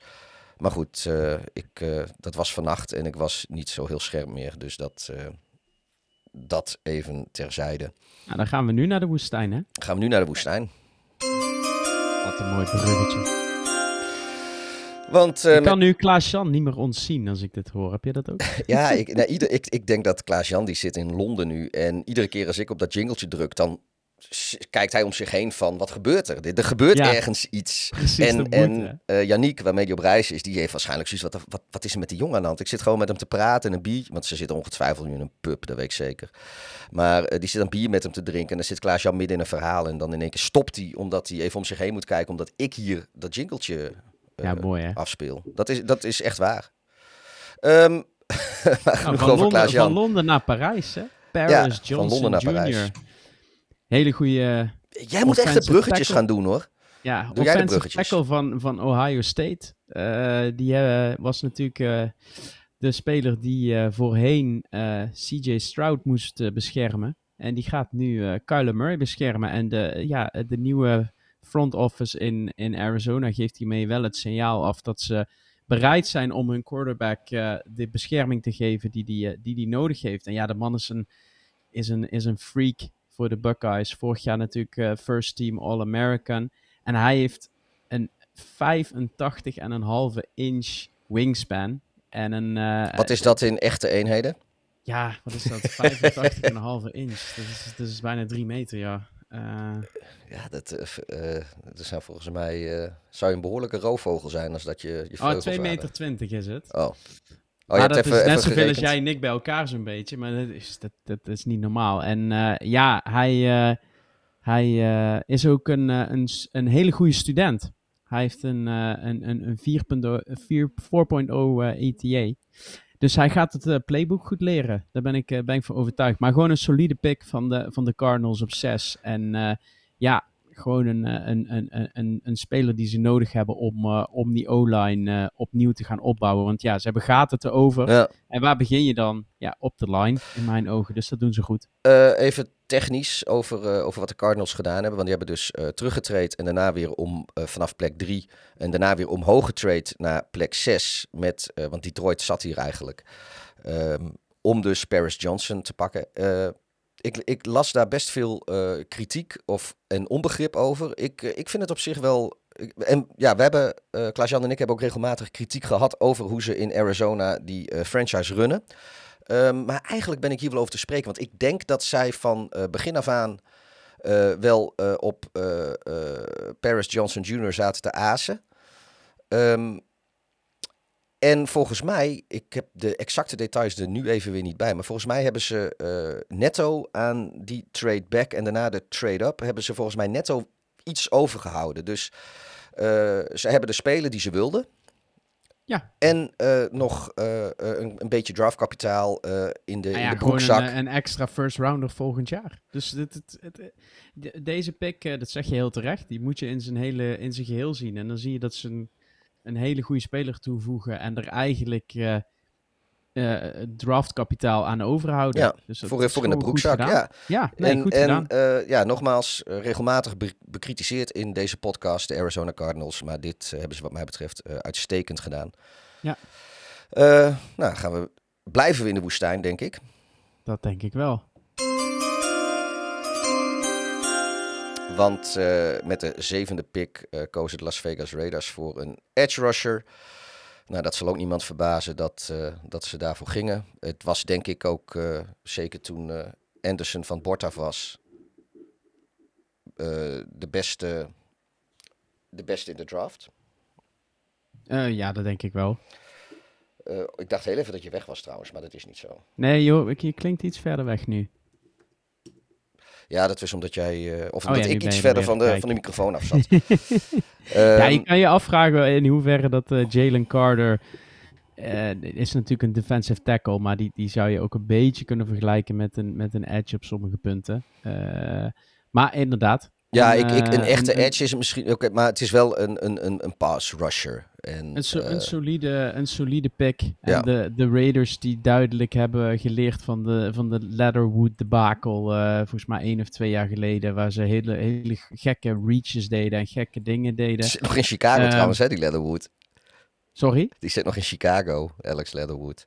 Ja, ja dat, is één, ja. één van hun diepte. Ja, nou ja, goed, ik, ik, ik dat ze hadden, ze prima hadden verder. Ik had, misschien, ik had eigenlijk misschien wel gedacht dat ze hier toch, omdat het de Raiders zijn, voor Jalen Carter zouden gaan. Omdat ze eigenlijk ook misschien wel iets meer een defensive tackle nodig hadden. Want ze hebben natuurlijk Max Crosby, ze hebben Chandler Jones. Um, maar dit is, een, uh, dit is een niet, dit is een goede pick, dit is een solide pick. Um, niet heel spectaculair. Dat, uh, nee, zeker niet. En uh, hij heeft Texas A&M, Texas Tech gespeeld. Texas Tech ken ik hem ook van de wedstrijden tegen, tegen Iowa State. Um, ja, gewoon ook weer zo'n zo freak. Wel één, één, één inch minder wingspan dan, uh, dan Paris Johnson. Dus uh, misschien nou, gaan die elkaar wel tegenkomen in de woestijn. Geen idee. Wordt een bust. Ik hoor het al. misschien wel. Um, zullen we naar pick 8 gaan? Zeker. Daar rennen we naartoe. We gaan naar de Dirty Birds in Atlanta. Want inderdaad, jij zegt het al met een beetje iets gemaakt bruggetje deze keer. ja, dat is niet zo goed hè. Nee. Ehm, Blijf het proberen. Ja, ik, ik wil eigenlijk zeggen Atlanta verbazen vriend en vijand door voor, voor een running back te gaan. Maar uh, eigenlijk is het misschien toch niet zo verbazingwekkend als we allemaal denken. Want het past wel een beetje bij waar ze, wat ze, wat ze uh, doen in Atlanta. En moet ik eerlijk zeggen, ik weet niet of dat zo positief is. Uh, ja, nee, dat zeg je heel goed. wanneer kies je... Kijk, Bijan Robinson is de beste running back in college football. En met afstand de beste running back in deze draft. En misschien, en misschien hij, ook wel een van de, van de beste running back prospects, zeg maar, voordat ze überhaupt de snap hij is in de NFL hebben ze beter sinds dan Barkley. Brees Hall uh, vorig jaar ja, was. Ik, en, ik, ik denk qua, qua prospect, zeg maar, voordat ze uh, überhaupt een snap in de NFL gespeeld hebben, is hij denk ik de beste sinds Saquon Barkley. Ja, uh, in de praktijk ik, moet hij inderdaad wel een Brees Hall, maar ook een CMC moet hij allemaal nog maar zien te passeren. maar die waren niet zo hoog aangeschreven ten tijde van de draft als deze ja. Bijan Robinson. Ja, en je hebt, is precies wat jij zegt. Wanneer kies je nou een, een running back in de eerste ronde? Kijk, als de Eagles hem gepakt hadden, had ik het misschien begrepen. Want die hebben een team staan, die zijn Super Bowl bound. Uh, die, hebben, uh, die kunnen de upside van zo'n speler en het talent van zo'n speler gebruiken om meteen beter te worden. De Falcons komen uit een diep dal, hebben goed offseason gedraaid, maar hebben nog best wel wat needs. Hebben eigenlijk een solide run game met uh, Algier en um, hoe heet jouw grote vriend ook alweer? Cordero Patterson. Cordero Patterson. Niet alleen mijn grote vriend, ook die van Klaas-Jan. Precies. Bijna een soort vriend van de show, zou je zeggen. Ja, bijna wel. En ja, dan, dan, dan, dit is een beetje wat je in, uh, in, als je in fancy voetbal speelt ook zelf doet. Dan zie je een speler die ontzettend leuk is met enorme upside. Maar je kan ook voor de degelijke speler gaan die iedere week wat puntjes oplevert. En ja, dit is, dit is een, een speler die ja, met zijn talent, ik had gehoopt dat hij ergens anders terecht zou komen. Want Atlanta heeft ja, ik, ik weet niet of we nu de, de, de volle potentieel van, van Bijan Robinson gaan zien. En we weten allemaal dat het aantal jaren dat een running back top is uh, beperkt is. Ja. Um, ja, ik, ik, ik, ik zit ook even hier te kijken ook wat, wat, al wat teams uh, voor grades geven. Ik zie hier bij de Athletic een, uh, een D+. Maar ik zie dan weer bij de, bij de NFL.com, uh, die geven hem weer een A min. Ja, dus ik vind, ja, ik, ik die grades, nou, nu is NFL.com natuurlijk, uh, is van de teams zelf eigenlijk, dus daar... daar ja, dat is altijd hele hoge, hele hoge grades. Maar ik, sowieso draft grades, zeker uh, op de dag of de dag na de draft, tenzij het echt iets, een, een hele bizarre keuze is, uh, daar, daar, daar, koop ik uh, meestal niet zo heel veel voor. Uh, in dit nee. geval, uh, nou, ik denk ook dat de meeste Falcons-fans een beetje underwhelmed zijn door deze pick. Vooral omdat inderdaad Jalen Carter nog beschikbaar was. En het laat een gebrek aan, aan visie zien, in mijn ogen. Je wilt te snel. ja. Je gaat voor de, voor de, voor de flashy speler. Um, ja, ik, ik ben, het is een geweldige speler, maar ik ben geen fan van zijn landing spot hier. Oké. Okay. Uh, waarvan akte? Zullen we. Ja, dan naar... blijven we in Georgia. We blijven in Georgia, want.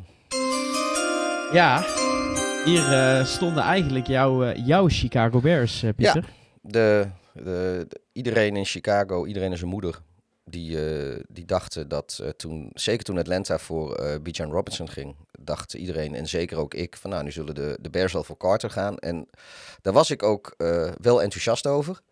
En in één keer komt uit het nieuws dat, uh, dat de Bears voor een uh, vierde ronde pick volgend seizoen met de Eagles van, van plekje gewisseld hebben. En de Eagles zitten dus op negen en die pakken Jalen Carter. Geweldige pick voor de Eagles. ontegenzeggelijk weer briljant stukje front office management wat ze, wat ze laten zien. Wat ze eigenlijk ja. voor iedereen die de Eagles geen warm hart toedraagt, tot vervelens aan toe al uh, de recente jaren keer op keer laten zien dat ze daar gewoon heel goed in zijn. Ja, Howie Roseman, hè? En Die, uh... um, ja, maar... zij, uh, zij pakken dus Carter. En ik, ja, ik, ik kan daar Moet, eigenlijk... hadden de Bears het niet gewoon... Die hadden negen. Ja. Krijgen er in principe een vierde ronde, als ik me niet vergis. Ja, voor volgend voor jaar. Terug. Voor, voor die ene, voor die ene, ja, ook ja, volgend jaar zelfs. Voor die ene, ene plek. Um, waarom gingen de Bears hier niet voor Jalen Carter? Nou, in de eerste instantie uh, vroeg ik mij dat ook af. Maar uh, nogmaals, het was laat. Ik was moe. En uh, ik vond het allemaal wel best. Of eigenlijk niet. Maar eh, ik heb er een nachtje over geslapen en ik heb eh, nog eens wat, eh, ja, daar eens rustig over na kunnen denken en her en der ook in kunnen lezen. En ondertussen snap ik het wel. De, ik ben ervan overtuigd dat de Bears nooit serieus interesse hebben gehad in Jalen Carter. Nee, dat moet wel. Ehm, en Anders doe je dat niet. Nee. Want je hebt in principe, en, en, en dat heeft natuurlijk niet met zijn skillset te maken, nee, maar eerder een, met, een, met zijn persoonlijkheid. het is een, het is een karakter. Ten eerste, ja goed, weet je, dat, dat, je, kan, je kan zeggen dat zeggen 32 teams, maar bij de Bears gaan ze er eh, prat op eh, dat ze eh, character heel belangrijk vinden. Dat ze dus, ze, ze hebben ook trouwens, vind ik, zeker voor een franchise die onderin meedraait, relatief weinig problemen met spelers, sowieso. Zeg maar aan wat betreft off-the-field issues. Nou, nu heeft Carter, zoals iedereen weet, natuurlijk wat, wel wat off-the-field issues recentelijk ook weer gehad. Eh, verder is sportief gezien eh, het grootste eh, pijnpunt bij Carter is zijn werklust. En hij lijkt, zoals ze dat in, het, in Amerika zo mooi kunnen zeggen, he takes place off. Dat betekent dus dat ja, als hij, weet ik veel, eh, Ja, soms niet 40, helemaal zijn best 40 doen. snaps speelt in een wedstrijd, dat hij, dat hij soms zomaar 10 of 15 van die 40 snaps niet de vol voor gaat. En als je heel getalenteerd bent en eh, je speelt in college, dan kun je daar misschien nog een beetje mee wegkomen. Eh, in de NFL kom je daar absoluut niet mee weg. Nee. En eh, ik denk dat zowel voor de Eagles als voor Chicago eh, deze trade weer eh, uitermate gunstig uitpakte. Want laten we niet vergeten dat ook teams als Seattle en eh, Detroit eh, gepasseerd hebben op, eh, op Jalen Carter. Die hebben er gewoon vriendelijk voor bedankt. Eh, Detroit is, is, heeft weggetrade eh, met, met Arizona natuurlijk, zoals we eerder zeiden. Seattle is voor de cornerback gegaan, terwijl een defensive tackle en three techniek was voor hun ook echt wel een positie van, waar, waar ze zich op konden versterken. Ehm, maar Pete Carroll bijvoorbeeld, die had ook zoiets van, nou nee, laat die Carter maar zitten. Dus dat Nou ja, zegt ook wel precies. iets, denk ik. En, En, hij komt in Philadelphia, komt hij terecht in een, een, in een, in een eh, defense vol veteranen. precies. En die kunnen hem eh, Ja. uitstekend eh, opvoeden, zeg maar. Dat die plays off en allemaal niet lukt. We hebben het niet eens over die off-the-field issues, weet je. Want dat, dat kan ook gewoon een incident zijn geweest. En dan moet je die jongen verder ook vergeven. Dat, dat is gepasseerd station, wat mij betreft.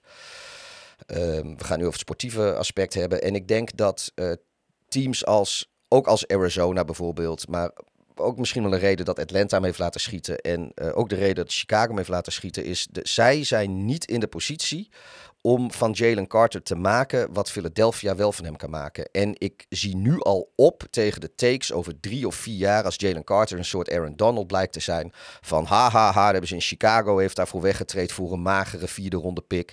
En nou ja, al die andere teams, no- noem maar wat, misschien dat Las Ja, Vegas eh, dat nog. Maar eh, laten we niet vergeten dat eh, de, er absoluut geen garantie is dat hij zich bij een van die teams die hem heeft laten schieten zich zo zou hebben ontwikkeld als hij zich in Philadelphia kan ontwikkelen. Want het moet tenslotte nog maar gebeuren. Ehm, maar ja, ik, Ik, eh, de Eagles niet- ja, je zijn, zegt- zijn, zijn, zijn de goed. beste landingsspot voor, voor Jalen Carter van de hele top 10. En dat is dus ook een beetje kip-ei, want ik zie iedereen, wie is nou de winnaar van de draft? En iedereen roept de Eagles, de Eagles, de Eagles. Maar op het moment dat je een goed team bent, wat toevallig ook nog, nou toevallig, laat het even, dat is goed beleid, maar toevallig ook nog twee first round picks heeft, dan hoef je niet eens naar niet te kijken. Hè? Dan kan je gewoon best player available pakken. En als je dan als Super Bowl eh, Philadelphia Eagles op 9 zit, ja, dan ga je gewoon een hele goede speler pakken. En dan valt het draftboard ook nog voor jou eh, Ja. op die manier dat jij die, spe- die speler pakt die bij jou, waar andere teams zich niet aan durven te branden, waarvan jij weet, ik heb het team al staan. Ja. Hij, hij zou, hij zou bij, bij wijze van daar eh, met de helft van de snaps ook genoegen moeten nemen in het begin. En dat, dus dat, dat zijn gewoon hele goede, goede moves. En ja, de Eagles, eh, die staan gewoon klaar om, eh, om de NFC eh, het komende jaar weer te domineren. En dat laat deze pick ook weer zien. Nee, eh, dat, dat, dat, dat zeg je denk ik goed. En ja, nogmaals, dat Chicago daarvan wegtreedt. Ja, ik, ik zie dat eigenlijk als iets positiefs. Want het was een Ja, want- speler die ze toch niet wilden draften. Dat wisten ze in. Philadelphia blijkbaar niet. Ik denk dat op het moment dat Atlanta voor een running back ging... en niet voor Jalen Carter... dat ze in Philadelphia een beetje bang waren... dat Chicago het dan zou doen. Ja, dus ze vervolgens goed, eh, eh, heeft eh, Chicago gewoon gezegd van, nou ja, weet je, we, wij, wij hebben picks nodig, dus eh, kom maar met een pick en we vinden het wel best. En het was, ik kan me ook niet voorstellen dat, dat, dat de Bears nou het onderste uit de kan hebben willen onderhandelen. Er is zoiets van, eh, die pakken die spelen toch niet, joh. Dus eh vierde ronde, ja, gratis pick, jongen, beste maar weer.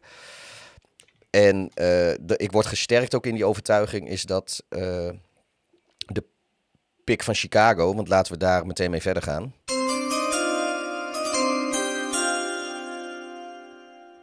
Dat ze direct al wisten dat ze Chicago voor, eh, eh, voor Wright gingen.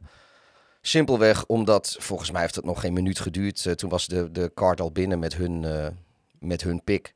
Dus ja, die, die, die hebben daar nooit over getwijfeld. Er werd best mager op gereageerd. op wat, wat de Bears deden. Ze kregen niet overal de lof. Werden hier en daar ook bij de, bij de losers van, eh, van de dag eh, genoemd. Wat, wat vind jij van, eh, van Darnell Wright? En, en de pick. En, en, en ook daarmee, want dan kunnen we meteen pick 11 ook meepakken. Het feit dat ze Pieter Skoronski hebben laten lopen. Nou ja, dat, zoals de vaste luisteraars weten, ben ik niet, was ik niet zo'n fan van Skoronski naar Chicago. En dat heeft eigenlijk niks te maken met,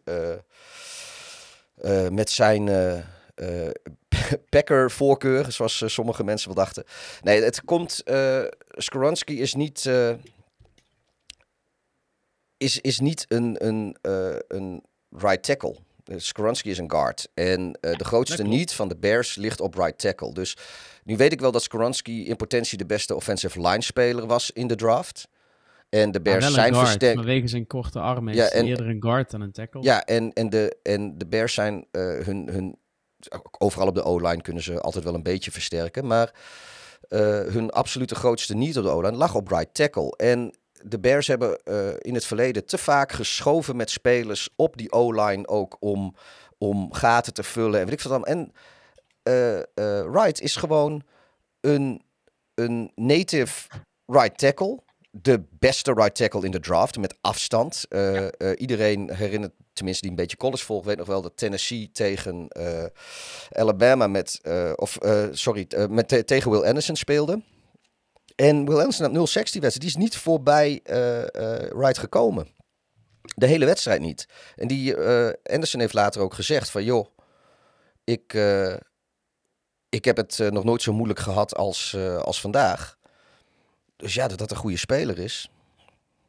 Ja, eh, Fields moet gewoon beschermd worden. En eh, hij heeft zijn receivers nu. En eh daar die O-line wordt nu ook beter. Ik, ik vind dat de Bears dit prima hebben gedaan. ik, ik doe daar niet zo moeilijk over. Nee, dit is geen, geen gok. Dit, dit, misschien wordt hij niet de beste tackle in de NFL, maar ook zeker niet de slechtste. Nee, en als ze wel voor Carter waren gegaan en dat was, was verkeerd uitgepakt vanwege character issues of ja, ik, eh, eh, ik op snap right tackle was het weer misgegaan, dan eh, was de kritiek ook niet van de lucht. Eh, Nou ja, de, de Bears doen wat de, wat de Falcons in mijn ogen nalaten op in dit moment van hun eh, rebuild. Dus, Ja, eh, nou ja, wat, wat de Eagles, die zijn in een positie dat ze kunnen gokken op een speler, de Bears niet. Die Ja. moeten in principe met eigenlijk al hun picks, moeten ze bijna raak schieten, willen zij mee kunnen doen eh, eh, op, voor die plekken waar ik hoop dat ze gaan eindigen, daar zeg maar boven in de NFC North. Ja. Dus dat, eh, dat is het. Nou ja, dan, eh, we zeiden al, eh, Tennessee waar, waar Darnell Wright vandaan komt, maar daar spelen natuurlijk ook de Tennessee Titans en die hebben pick 11. de Salmari pick. De Salmari pick. Ja, want eh Skoronski gaat niet naar Chicago. Godzijdank, dat scheelt mij ten eerste, Klaas-Jan, bier kopen. Of in ieder geval drank. En ten tweede scheelt mij dat naar Chicago vliegen om het front office op zijn bek te timmeren. Want ik schijn dat ook gezegd te hebben in de vorige podcast dat ik dat dan zou doen. Dat klopt wel, ja. Je hebt, wel, je hebt relatief veel, eh, veel eh, hard language gebruikt. eh. Dus nou, dat, dat, dat hoeft gelukkig allemaal niet. Want... Behalve toen het over de Texas Christian University ging. Goed. ehm, ja, daar waren we even, eh, even beschaafd. Nee, maar Skoronski is natuurlijk eh, in potentie de beste offensive line speler in de draft. En eigenlijk kan overal op de O-line van de Titans kan er wel wat verbeterd worden. Dus ik denk dat ze in Nashville verschrikkelijk blij waren dat ze Skoronski in hun schoot geworpen kregen. Ehm, Ja, Ja, er waren mensen mooi. die dachten dat de Titans misschien voor Will Levis zouden gaan als die in de, zeg maar op pick 9 of 10 er nog zouden zijn om, of zeker op pick 9 om, om misschien dat met de Bears te treden voor hem. Maar ze hebben daar blijkbaar geen vertrouwen in en ze vinden O-line belangrijker. Ja, en ook dat vind ik eh, voor de fase waar de Titans nu in zitten en het feit dat ze nog altijd gewoon een, een degelijke quarterback hebben, vind ik dat helemaal niet, eh, niet gek. Ja, O-line is daar een groot probleem en met Tannehill zijn ze al Ja. eens een keer het beste. Niet, heel, niet eens zo heel lang geleden, nog maar Ja, twee seizoenen terug. eh, ja, iedereen is daar geblesseerd. En, Ja. Dus ja, ik, eh, ik vind het een, eh, een goede pick van de Titans. En ik denk dat ze stiekem eh, blij zijn dat die, eh, dat die hun kant op kwam, kwam vallen. Ja, dat, dat denk ik ook.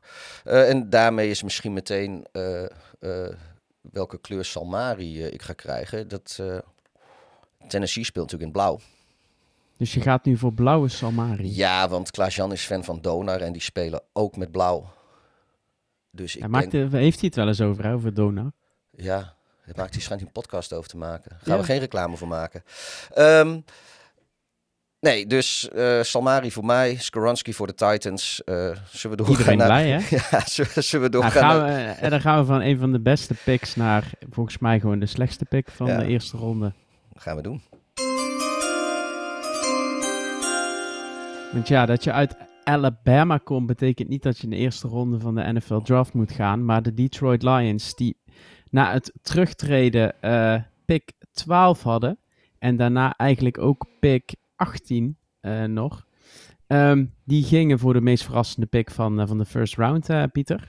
Ja, een, een, een, een running back. Een running back en dan nog niet eens de beste. Maar ja, niet dat, dat het nou meteen is. Ik bedoel, oh, ik wou zeggen Jack Campbell, maar dat is natuurlijk de linebacker die ze later gedraften. Spoiler alert. Eh Jameer Gibbs van inderdaad Ja. Alabama. Ehm, Pieter, dat kan toch niet? het, is, het is misschien wel de, de, de op één na beste running back in de draft class. En het is ongetwijfeld ook een hele goede running back. Maar ze hebben in Detroit DeAndre Swift en jouw grote vriend en mijn ex-vriend. eh, Iowa State legend. legend. David Montgomery.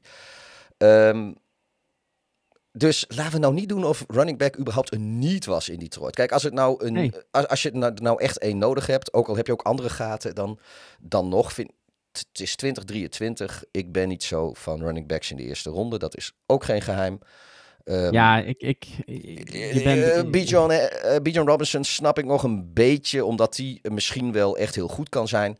Eh, weet je, een soort Saquon Barkley hopen we misschien wel op. Ja, of- het, het slechtste aan deze pick is, ze hebben ook pick 18. En je weet 100% zeker dat Jameer Gibbs er op 18 ook nog is. ja, zij en hadden Lucas. je mist ja, hierdoor, zij mis, hadden- je, mis je een Van Ness.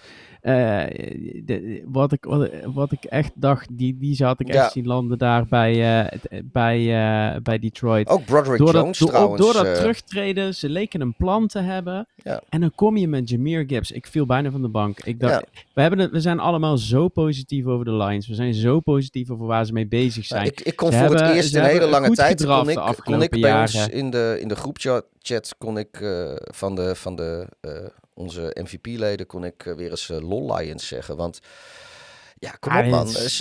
Er was inderdaad genoeg anders wat ze kunnen doen. Lucas Van Ness, maar ook die tackle Ja. die naar de, naar de Steelers gegaan is uiteindelijk. Ook weer een spoiler. Want vroeg We- of laat je- zullen ze daar toch echt ook met een, Ja. een rookie quarterback moeten komen. ja, en, ik snap er niks van. Nee, ik, ik, ik, ja, ik, ik heb Weet hier je, gewoon geen, geen... Je hebt, Ja. wel eens, je hebt dat zelf ook wel eens gehad. Er was, als je in fantasy je draft hebt.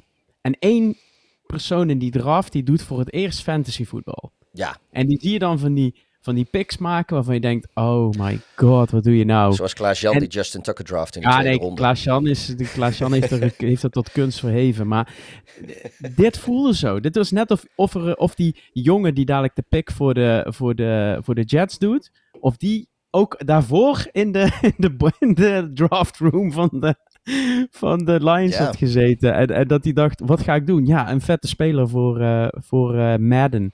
Ja, ik, ik snap hier niks van. Maar goed, het is een, het is een goede running back eh, van Alabama. Ehm, heeft hij niet zijn hele carrière gespeeld. Volgens mij zat hij bij... ik kom er nu even niet op. Maar ehm, Oh, dat niet... eh, oh, Georgia Tech heeft hij ja. gezeten. Eh, en dan één, twee jaar, eh, één jaar Alabama. Maar ja, ik, die gaat veel te hoog en het was geen niet. Dus dit, dit is met afstand de slechtste pick van de eerste ronde. Ja, voor het eerst in lange tijd lijken de Lions even weer de Lions te zijn. Nou, dan gaan we naar de volgende pick. Ja. En dit is gewoon best player available. Ik vind het wel mooi dat we hier gewoon uh, echt in, in, in vier picks tijd drie NFC North teams uh, krijgen. Ja. Maar Lucas, en, Lucas en, en, en, iemand van Iowa. Ja, ik, Ja. ik, ik ken hem natuurlijk als Iowa State fan. En alles wat uit Iowa gedraft wordt, daar ben Daar ik extra kritisch op. Maar dit is, dit is wel mijn favoriete speler van die defense van Iowa. Die beruchte defense, een van de beste in, in college football de afgelopen jaar. Uh, die hielden gewoon teams standaard onder de 10, 13 punten. Uh, en hij had 14, 14 sacks volgens mij in twee seizoenen. Uh, geweldige pass rusher. En het zou me niet verbazen als hij ook gewoon, omdat hij uit Iowa komt, voor de Packers is. Hij kent de regio, hij kent de kou. en, en de Packers doen hier in mijn ogen, pakken ze de best player available. En, en doen ze eens een keer niet wat ze heel vaak doen, namelijk offense een, een, een... Nee, ze doen eigenlijk wat ze eigenlijk altijd doen. En dat is niet offense kiezen. Ja. Um, ja, iedereen had ge gedacht aan een tight end bij de Packers. Maar ergens uh, ja, vind ik dit wel een, uh, een goede pick. Nou ja, ik zou uh, mezelf niet zijn als ik toch niet even wat kritiek richting Wisconsin zou gooien. Want ja, weet je, je gaat, je gaat natuurlijk met een nieuwe quarterback beginnen. En er zitten op de offense behoorlijk wat gaten ik weet dat dit geen, geen hele brede wide receiver draft was. Maar uh, alle wide receivers staan op dit moment uh, van de draft nog op het bord. Want er zijn wel twee running backs weg, maar nog geen enkele ja. wide receiver. en weer ga je met de eerste ronde, of in de eerste ronde voor een verdediger. En daar komt Ja. ook, bij, en daar hadden we het voor de show even over, dat die defense van Green Bay, die, die barst uit elkaar van eerste ronde picks. En het is geen slechte defense, uh, zeker Klopt. niet. Maar uh, ik geloof dat ze de negen hebben. Ik, ik, ik kan daar zo snel, uh, heb ik, kan ik dat niet voor mezelf bevestigen, maar dat meen ik ergens te weten. En ik vind als jij iedere zichzelf respecterende franchise die negen eerste ronde picks in zijn defense heeft, moet, moet potentieel een van de beste defenses in de league hebben. En dat is Green Bay bij lange na niet. En ze, ze, die Gutekunst die draft op zich op een vrij eenduidige methode. En dat zijn heel veel, heel veel metrics en athleticism en, en, en Ja. vakjes die aangevinkt moeten worden. Maar dan krijg je heel vaak best player available. En dan- wat ja. staat er op het bord? Wat, wat, wat, wat staat bij mensen hoog die gewoon lijstjes Ja. hebben zonder, eh, zonder voorkeur? Ja, en ik, en ik vraag me af, uiteindelijk moet je denk ik om, om echt goed te worden, moet je ook eh, eh, toch gaan kijken naar eh, iets verder dan, eh, dan statistieken en, en, en lijstjes. En, en of het nou is dat ze niet. Ze draften wel goede spelers, maar misschien niet per se de beste spelers voor hun situatie. Of het nou op, op, op eh, capaciteiten of op karakter aankomt. Eh, of ze ontwikkelen ze niet helemaal eh, zoals, zoals dat zou moeten. Dus ik, ik snap de pick wel. En ik geloof ook best dat Van Ness eh, in college heel veel heeft laten zien. Maar ik weet niet of dit eh, een pick is die Green Bay eh, eh, in september beter maakt dan dat ze eergisteren waren. En ik vind een eerste ronde draft pick, en zeker eentje in de eerste helft van de eerste ronde, eigenlijk is dat wel een beetje waar je naar op zoek bent. Ik had hier ook Smith en Jigba bijvoorbeeld verwacht. Ja. Maar ik vind, ja, ik vind Van Ness een mooie speler en hij past wel bij Green Bay. Maar ik ben het ook met je eens. misschien niet in deze draft. Ehm, volgende pick Ja, van jouw vrienden uit Pittsburgh.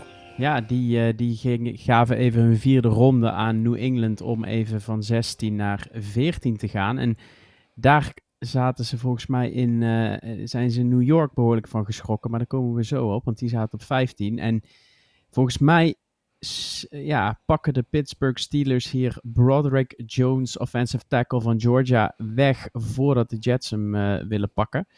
En ja, eh, de Steelers staan natuurlijk al ja, zolang ze bestaan bekend om hun eh, offensive line. Die is de afgelopen jaren echt wel wat minder. De run game is toch minder dominant. En we weten ook allemaal hoe het met eh, Ben Roethlisberger is afgelopen daar eh, in de pocket. Mhm. Ehm, dus ja, de Steelers gaan terug naar waar ze altijd goed in zijn geweest. En dat zijn offensive tackles draften.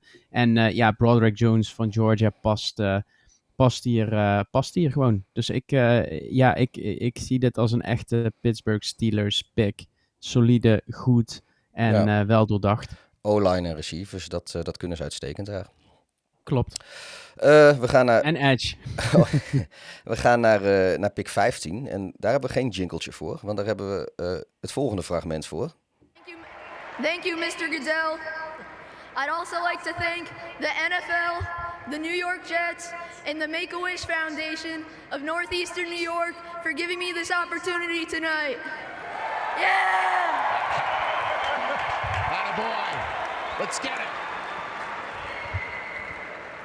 With the 15th pick in the 2023 NFL Draft, the New York J E T S Jets Jets Jets select Will McDonald, linebacker, Iowa State. Let's go! Yeah! Let's go! Ja, schitterend eh, fragment natuurlijk. Ja. Nee, dat was eh, een, eh, een jochie die, eh, nou, die eh, helaas eh, eh, te kamp heeft gehad met, ik geloof dat het leukemie was. En die via de Make-A-Wish Foundation de eerste ronde draftpick voor zijn favoriete team mocht aankondigen. En dat deed hij met verven, alsof hij, alsof hij nooit anders gedaan heeft. Ik vond het schitterend. Ja, mooi. Ik had niet, ja, ik, eh, Will McDonald is natuurlijk de, de, de pick, de edge rusher van Iowa State. Nou, dan hoef je mij, eh zoals ik al zei, misschien ben ik al degene die het meest objectief kan zijn over, eh, over deze speler, omdat ik er eh, het meeste van, eh, van gezien heb. Maar jij is wel van Is Iowa State. En geweldenaar. ben jij objectief over Iowa State? Ah nee, laat ik het zo zeggen. Ik denk dat ik, de, dat meeste kennis, Nederlanders de meeste snaps van Will McDonald Oké. heb Ja. gezien. Maar daar, ik, ik kan er wel, wel iets over zeggen in de zin van, ik vind hem een geweldige edge rusher. Ik had niet gedacht dat hij zo vroeg zou gaan. En ik heb echt het idee dat de Jets hier ervan uitgingen dat ze Broderick Jones gingen eh, draften. En een beetje off-guard eh, zijn, eh, ja, een, een beetje verrast zijn door, door de trade-up van de Steelers. Want de Jets hadden een hele duidelijke need. Dat was offensive line. Maar ja, Broderick Jones was al weg. Eh Skoronski was al weg. Wright was al weg. Paris Johnson bij-. Paris Johnson was al weg. Dus het was eh, waar iedereen het had over eh, bijvoorbeeld corner en, ehm, en quarterback. Was het eigenlijk een, een duidelijke offensive, love, eh, offensive line draft. En komen de Jets hier duidelijk net een, een plekje tekort om toch een van hun spelers binnen te halen. Dan gaan ze met, met Will McDonald. Dat zal bij hun best player available zijn geweest. Gewoon echt een goede speler. Super atletische linebacker. Edge linebacker. Ik denk in de NFL dat hij met zijn, eh, met zijn postuur eerder edge is dan eh, dat, hij echt eh, linebacker gaat spelen. Ehm, geweldige speler, beste speler die Iowa sinds 1973 heeft voortgebracht. Want het is ook de eerste first round pick van Iowa State sinds 1973. En de grap is dus dat de Jets en de Packers die picks wisselen in die, in die trade om Rodgers. Dus Iowa en Iowa State picks eh, doen. Dus eh, ze rivaliseren om Rodgers en Ja. ze pakken ook eh, rivaliserende spelers. Ja, het enige Heel wat- benieuwd hoe Ja. dit gaat uitpakken. Het enige wat, ben- ik, ja, wat ik hier aan toe wil voegen is dat ja, Aaron Rodgers is het denk ik wel gewend dat de eerste ronde pick niet naar zijn kant van de bal gaat, maar naar de, naar de defensie. Dat heeft hij heel lang Dat in. Green Bay aan moeten zien. En als ze dan mooi. een keer offensief gedraft in de eerste ronde is, het een concurrent voor hem. Ehm, ja, nu eh, gaat het in New York gaat het even vrolijk verder. Eh, we gaan het zien, inderdaad. Eh, nou, laten we een beetje, Volgende. een beetje wat harder gaan. ja, we moeten een beetje tijd tempo ook. maken. Ik heb ook, we gaan naar Washington DC. ja. Want de Commanders die, ja, die konden nog heel, heel graag een cornerback gebruiken. En ja, nou ja, wat doe je dan? Die draft je. Dan pak je een cornerback. Ja, Emmanuel Forbes. ehm, persoonlijk, had ik, State. ja, persoonlijk had ik Ja, gaat hoger, hoger ingeschat. En Ja, ik vind het ik dus ook. raar dat als je dan voor een cornerback gaat en Gonzalez staat op het bord, dat je hem niet pakt. Ehm, maar goed, De Patriots krijgen dan met 17 eh Gonzalez en een fourth round pick. Ja, spoiler alert. Dus ja, en ik had hem, ik had hem, ik had hem bij Detroit op 12, had ik, had ik Gonzalez al, eh, al ingevuld. Want die secondary van Detroit, die, eh, die kon echt wel wat hulp gebruiken. Ehm, maar in New England zijn ze, ja, daar die- pakken we die er eigenlijk meteen Ja, bij. laten we dat doen. je die twee in, eh, in één adem kan noemen. Twee cornerbacks. En het is, ja, het, je krijgt daar bij die wide receivers ook welke kies je, welke heeft je voorkeur.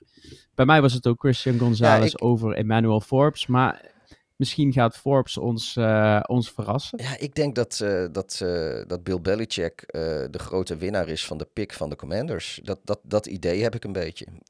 Ja, en de pick van de Lions. Dus het, het, het Ja, het ja. Soms valt het bord goed voor je. Ja. En ik, heb, ik zat hier te kijken en ik denk het bord voor de, voor de New England Patriots valt hier, Ja, valt hier voortreffelijk. maar nu zijn de Lions, die gingen natuurlijk voor een volkomen andere positie. Maar het team voor ze pakt gewoon exact de positie waar je zelf ook voor wil gaan. Maar godzijdank een andere speler. Ja. Eh, nou ja, dan zijn we Ja, dan gaan we weer, weer naar eh, de Lions. 18, hè? Ja, eh, En die doen, die doen, ja, die gaan, die gaan, ja, ik weet niet wat er aan de hand was. Ik dacht, misschien heeft iemand toevallig eh, geroepen om, eh, ik wil wel even de jingle, Pieter. oh, sorry. Ja, even. Ja, we hebben voor New England ook overgeslagen. Ik denk, we, we gaan... Oh ja, doen we nog maar door. nog één keertje? Maar even doen we het gewoon de laatste keer van deze Ja, uitzending? nee, doe nog een keertje. We- dan zijn we weer bij. Kijk. Oh, zo. Nou, dat kan ook. Maar ik denk dat iemand in de draftroom van Detroit eh, gewoon geroepen heeft om coach Campbell. En dat ze toen eh, per ongeluk dachten dat ze Jack Campbell bedoelden en die eh, op het kaartje hebben gezet. Ja, dat, Want dat- ja. ja, ja ook hier een hele, hele vage pick. omdat het is best een reach. Ook hier had je prima weer... eh, De, de picks hadden ze om kunnen wisselen en dan waren ze precies hetzelfde gevallen. 12 en 18.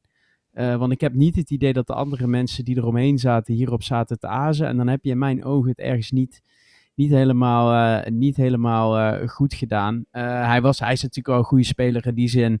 Bij Iowa op die defense was hij, was hij fantastisch. Ook first team, first American. Ehm, hij is heel snel en hij, kan, hij is een goede hitter.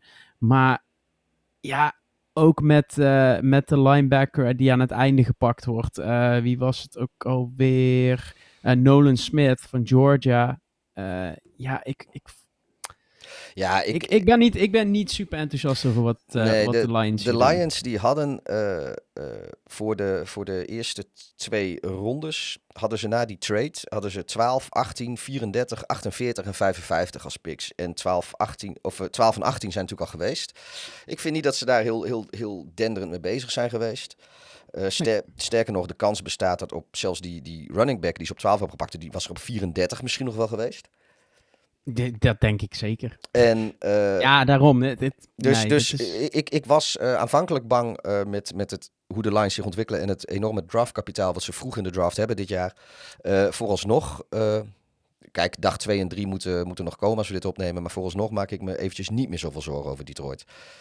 Ehm, en daarmee wil ik eigenlijk gaan naar een team wat zich ook zorgen moet maken. De Buccaneers. De Buccaneers, want eh, ja, daar eh, is ten eerste weinig cap space en eh, ten tweede verschrikkelijk veel gaten die gevuld moeten worden. Ja, en dan pakken ze... ja, hoe noemen ze hem? Mini Aaron Donald, hè? Ja, Elijah Kensey van, ook van, van Pitt. Pitt. Ja. Ik- vind, een, ik vind een prima keuze, want nou ja, dat is, jij roept het ook al heel vaak. Je hebt het zelfs vandaag al gezegd. als je toch zoveel gaten te willen hebben, begin dan alsjeblieft op de lines. Nou ja, dat doen ze met een defensive tackle.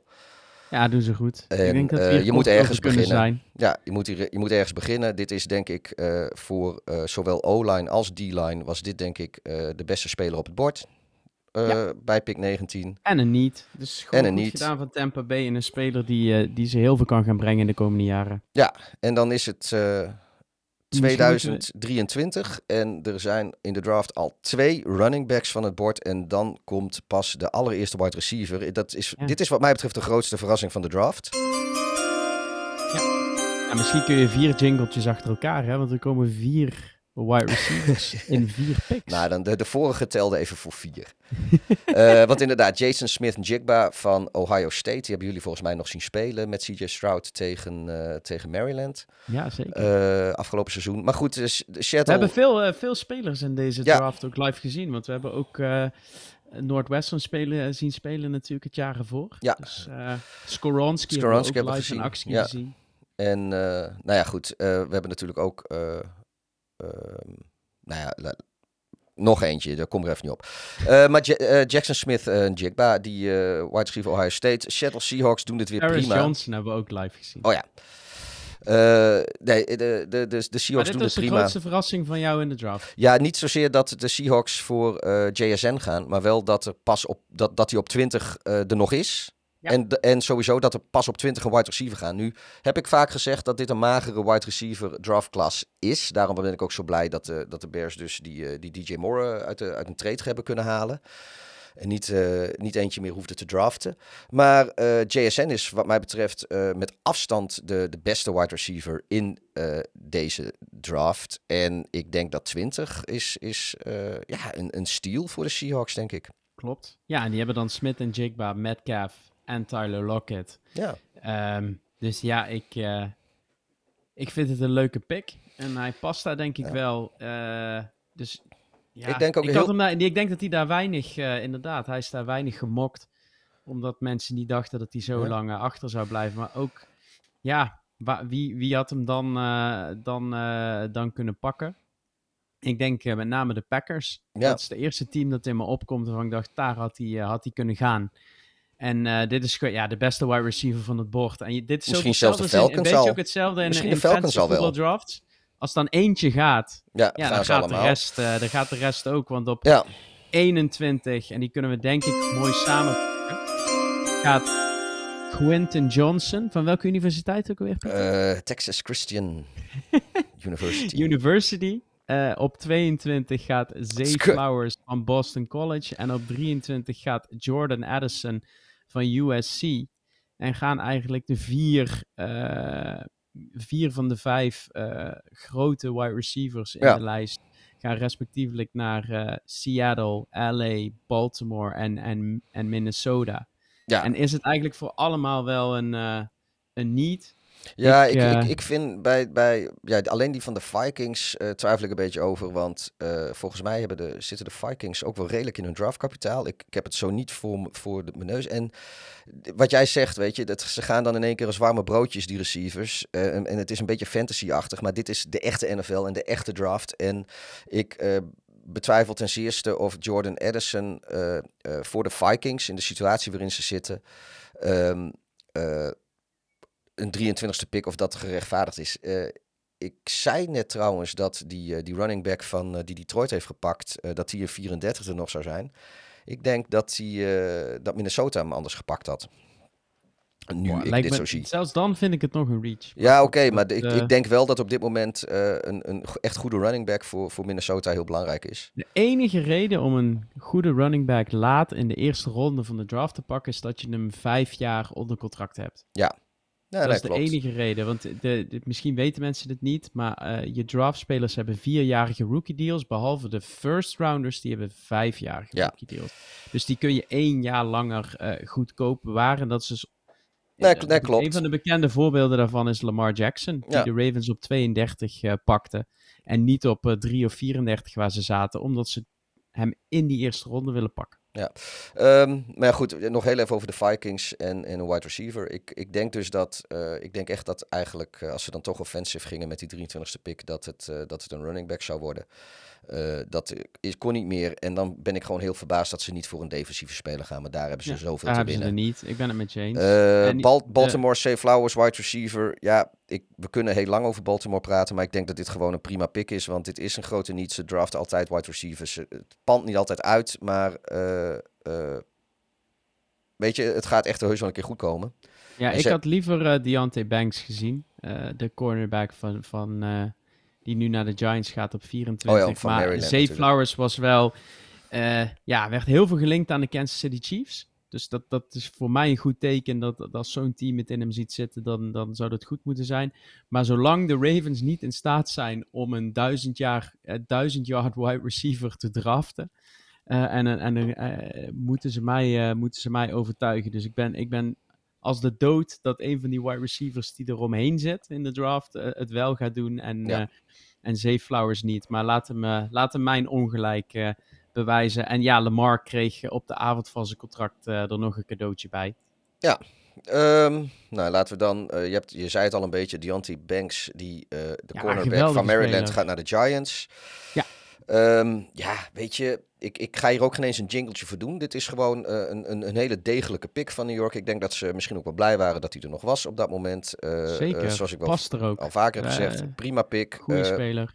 Eh, niks op aan te merken. Ook, en om eerlijk te zijn, ook niet heel spannend daarom. Nee, maar dat is, dat is precies wat de Giants op dit moment nodig hebben. Doorbouwen. Dit was een, een weakness. Ja. Ehm, en dit hadden ze nodig. Banks stond er eh, als cornerback. eh, was de beste wat er nog beschikbaar was. Je pakt het. En ja, gewoon solide pick van, van de Giants. Dus niet wat de Jets doen, niet wat de Lions doen. Nee. Je, Giants het eh, het, is, het is geen grote gok. Het is ook eh, eh, het is geen leap, het is geen reach. Het is, het is, het is gewoon een niet. En, en, en, en voor die niet was dit de best player available. Ook nog op, op de plek waar die ongeveer wel zou kunnen gaan. Degelijke pick, niks mis mee. Eh, de Buffalo Bills. Maar die krijgen nog een jingletje. Ja, ja, ik kan niet, niet twee keer achter elkaar niet doen. Eh, ja, Josh Allen krijgt een tight end. Ja, niet zomaar een tight end. En eentje, eh, ten Eh, eerste kon, kon hij dat gebruiken. En het is ook echt wel een speler om rekening mee te houden, denk ik. In Ja, de, het is een beest van een vent. Eh, Dalton Kincaid, tight end van Utah, komt naar, eh, naar Buffalo. Dus hij is aan de kou gewend. Ehm, en eh, ja, hij is een... eh, voor velen was hij ook eh, de, de beste tight end in, in de draft. Ehm, en eh, ja, wat mensen zeggen, ga je een, een tight end in de eerste ronde draften? Het was een, wat mensen zeggen, een hele, hele goede tight end klas. Maar je ziet toch dat met tight ends zijn, eh, zijn ze in de draft voorzichtig. Omdat die, wat jij ook altijd zegt, Pieter, wat tijd nodig hebben om eh, te groeien. Ehm, kijk naar Kyle Pitts in Atlanta, die langzaam stukje bij beetje beter aan het worden is. Ja. Ehm, maar dit, ja, met Dalton Kincaid vervullen de, de Bills volgens mij niet. Geven ze Allen een, een wapen dat hij nog niet heeft. Ja, Dawson Knox is in mindere mate wat Dalton eh, Kincaid ooit kan, eh, kan zijn. En eh, ik denk dat dit een, voor Buffalo een... ja, ik denk dat Buffalo... De, de wide, Buffalo is ook een ploeg zijn geweest die misschien voor wide receiver was gegaan. En waarvan de vier gewilde wide receivers weg waren. En die al die tijd ook hebben zitten twijfelen tussen tight end en, en wide receiver. Ja. En hoe Ja. de draft dan valt, pakken ze eigenlijk eh, volgens sommigen de beste passcatcher in, eh, in de hele, hele draft. Dus dit kan wel eens een hele, hele leuke worden, Ja. ook in, eh, in fantasy. Pick 26. America's team. Eh Maisie Smith. Ik moet eerlijk zeggen, ik weet niet zo heel veel van deze speler. Michigan. Ook weer iemand van de D-line, een defensive tackle.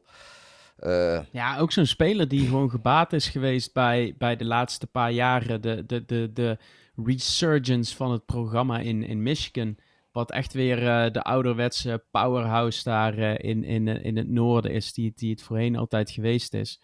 En ja, een, een, een hele degelijke pick. Defensive tackle voor de Dallas Cowboys. In die defense die eigenlijk al loaded is. Eh, Jerry Jones heeft natuurlijk het hele offense, eh, hele offseason gezegd dat hij eh, de offense wil bolsteren en de, de, de wapens wil toevoegen om volgend jaar wel die run te maken. Maar ja, ook de Cowboys kiezen dit jaar in de first round gewoon weer voor, voor defense. En een, een, een, een solide pick. Wel een, een speler, volgens mij is hij een speler ook met, even kijken hoor. Ja, zie je wel. Hij is ook arrested with a gun charge. Ja, dit- maar dit is een vaag over verhaal. speeding. speeding. Ehm, dus dat, ook weer zo eentje die een... nee, maar wat eh, komt erna? If eh, but he had a permit for the firearm. He just didn't carry it with him. Dus hij, ja, ik, ik, ik las dat eerst van... eh, hij, hij heeft dus wel gewoon... Hij, hij mocht eh, ja, dat wapen wel hebben. Alleen hij had de bijbehorende kleine, vergunning kleine niet. smetjes. Ja, ik- Maar ehm, ja, hij, hij, hij is ook zo'n zo'n zo'n speler met, met sikke fysieke statistieken. En in deze Dallas, eh, in deze Dallas offense eh, is het eh, plug and play met eh Mazie Ja. Smith. We gaan verder naar 27. De Jacksonville Jaguars die, die draften ook voor de offensive line. Want ze, ze zijn denk ik meer en meer tevreden over, over hun quarterback. En ja, dat snap ik wel. Uh, ja, en ze moesten, hè, want uh, dat is misschien nog even nieuws wat we niet, uh, niet genoemd hebben, is dat Cam Robinson, die is suspended for violating the performance oh, dat is waar ook, ja. policy. Ja, en dat was vlak en dat voor is een left tackle. Ja, en dat was vlak voor het was heel simpel. Ik denk dat er grotere needs waren bij, bij de Jaguars dan, dan left tackle. Ja, goed maar dat, dat ze nu in één keer met 27 wel, wel moesten. Uh, Trevor Lawrence kan daar blij mee Trevor zijn. Lawrence moeten beschermen. Ja. En dat ja. is, uh, daarom was dit misschien uh, twee weken geleden niet, uh, niet de gemokte pick. Maar waren de geruchten de afgelopen dagen wel sterk dat, dat Jacksonville voor een tackle ging. En dan is Anton Harrison van Oklahoma ja, de, de hoogste op het, op het bord. Ja, maar misschien denk, niet de speler die ze, die ze twee nee, weken ik denk geleden dat je dat, hadden. Ik denk dat je dat goed zegt. Eigenlijk kunnen we van deze pick niet echt afleiden waar ze nou precies mee bezig zijn in Jacksonville. Omdat ze ja, dit noodgedwongen eigenlijk moesten doen. Ja, ik denk dat een, die picks 30 en uh, 28 ook niet hadden misstaan in, in Jacksonville. Nee. Dus laten we naar 28 gaan. Divisierivaaltje van, ja. van jou, de Cincinnati Ja, die hebben iemand die, die het Lamar Jackson het leven zuur moet gaan maken. En nou ja, de, de, de edge rush van, de edge rush van Cincy, die hond mij al sinds de playoffs meerdere malen per, per nacht, per week.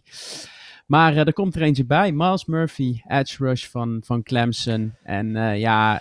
ben jij niet zo blij mee dus met deze pick? Ah ja, het is, een, het is een hele degelijke pick. Het is een goede pick. Nee, maar als Ravens fan ben jij er niet zo blij mee. Dat bijvoorbeeld de Bengals niet, niet wat heel veel mensen riepen voor een running back gaan.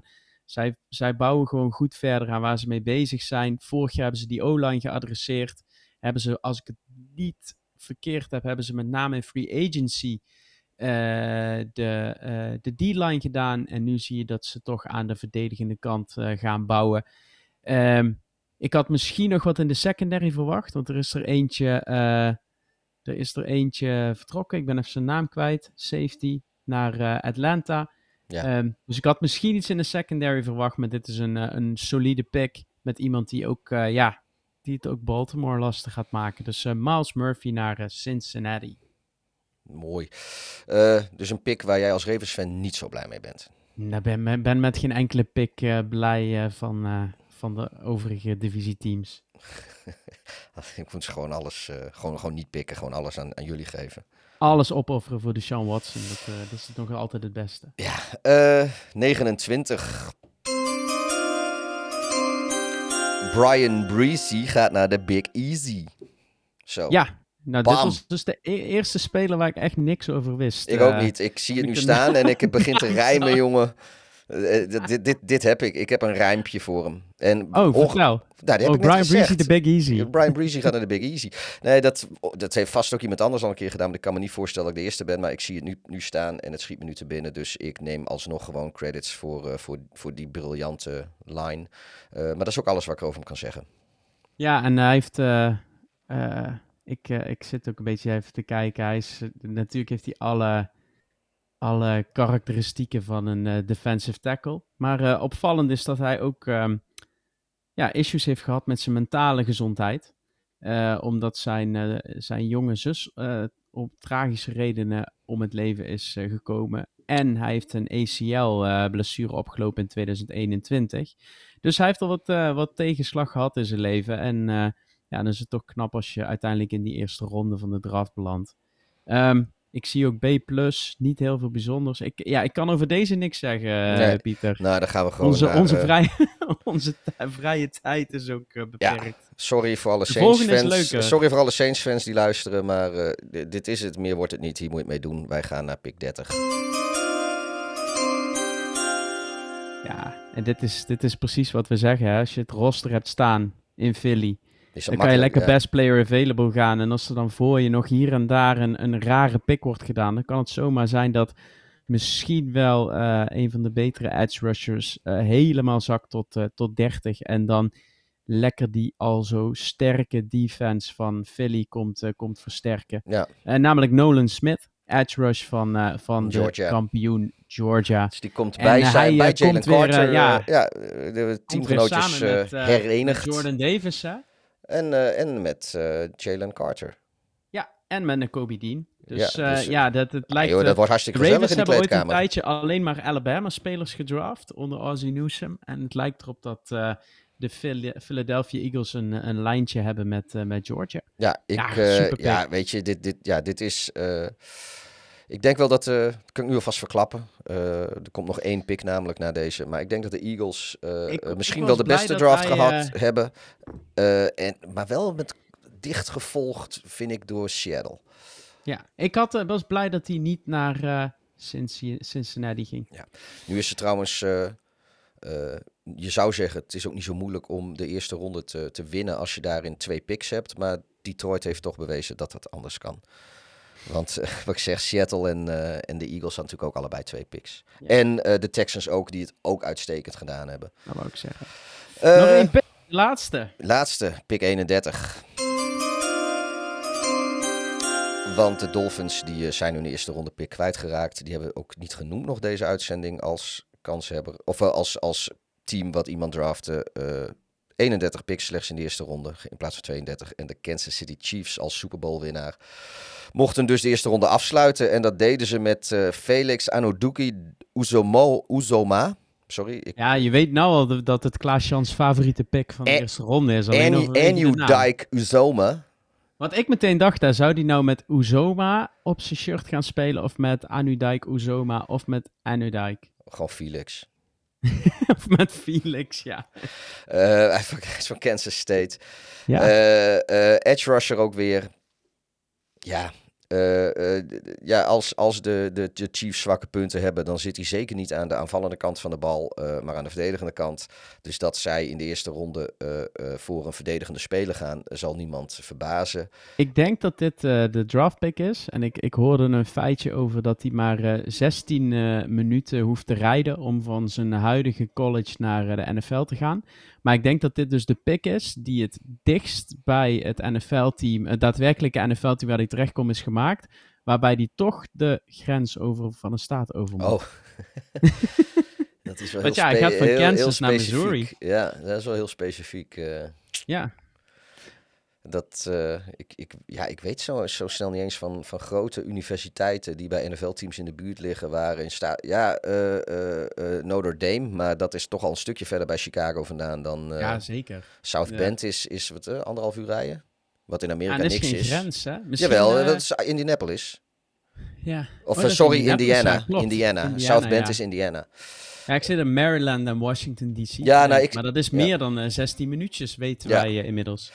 Goed, ehm, ja, dat was de eerste ronde. En eh, voordat we dan afsluiten, is er eigenlijk nog één opvallend ding. Want er is eh, één speler eh, wiens naam eigenlijk niet voorbij gekomen is als gedrafte speler. Terwijl, denk ik, bijna iedereen daar wel op gerekend had.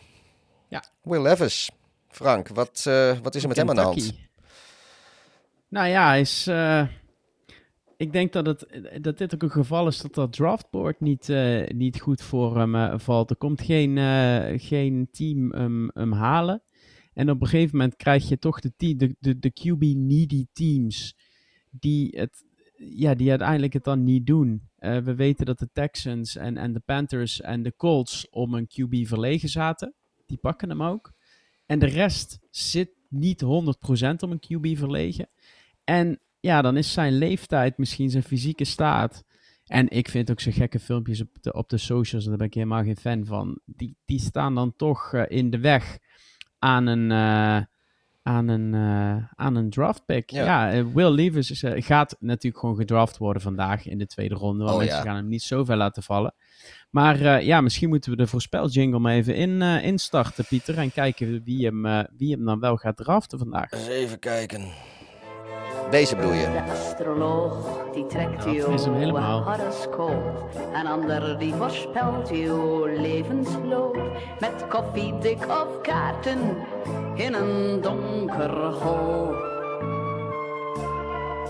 Maar ik zelf prefereer toch een glazen bol. Ja. Want we wilden eigenlijk gaan voorspellen welke kleur Salmari dat Klaas-Jan zou kopen. Ja, maar ja, je hebt zelf Ja, gezegd dat wordt blauw. Ja. Het wordt donar, eh donar Maar goed, waarschijnlijk eh, Tennessee luistert hij blauw. dit voordat, eh, voordat hij het koopt. Dus waarschijnlijk wordt het nu geel of rood, al was het gewoon alleen maar om... Als jij nou een andere kleur noemt, dan weet ik zeker dat het de derde kleur wordt. geel, rood of blauw is. Ik ken geen andere kleur. Ja, dat zijn ook precies. Dus als jij nou... eh, ik heb al blauw zwart? gezegd. Nee, de Samari zelf is zwart. Er is geel, Ja, rood of oh ja, blauw. ik heb al blauw inderdaad. gezegd. Kies jij even tussen geel of rood, want dan wordt het die ander. Nou, dan eh, ga ik voor eh, rood, want geel is eh, Steelers. Dat gaan we niet doen. Ja, dat lijkt Dus ja, nu moet hij of, een, ja, nu moet hij of een van ons gelijk geven... of een soort latente liefde voor de Steelers toegeven. Nu hebben we hem echt voor blok.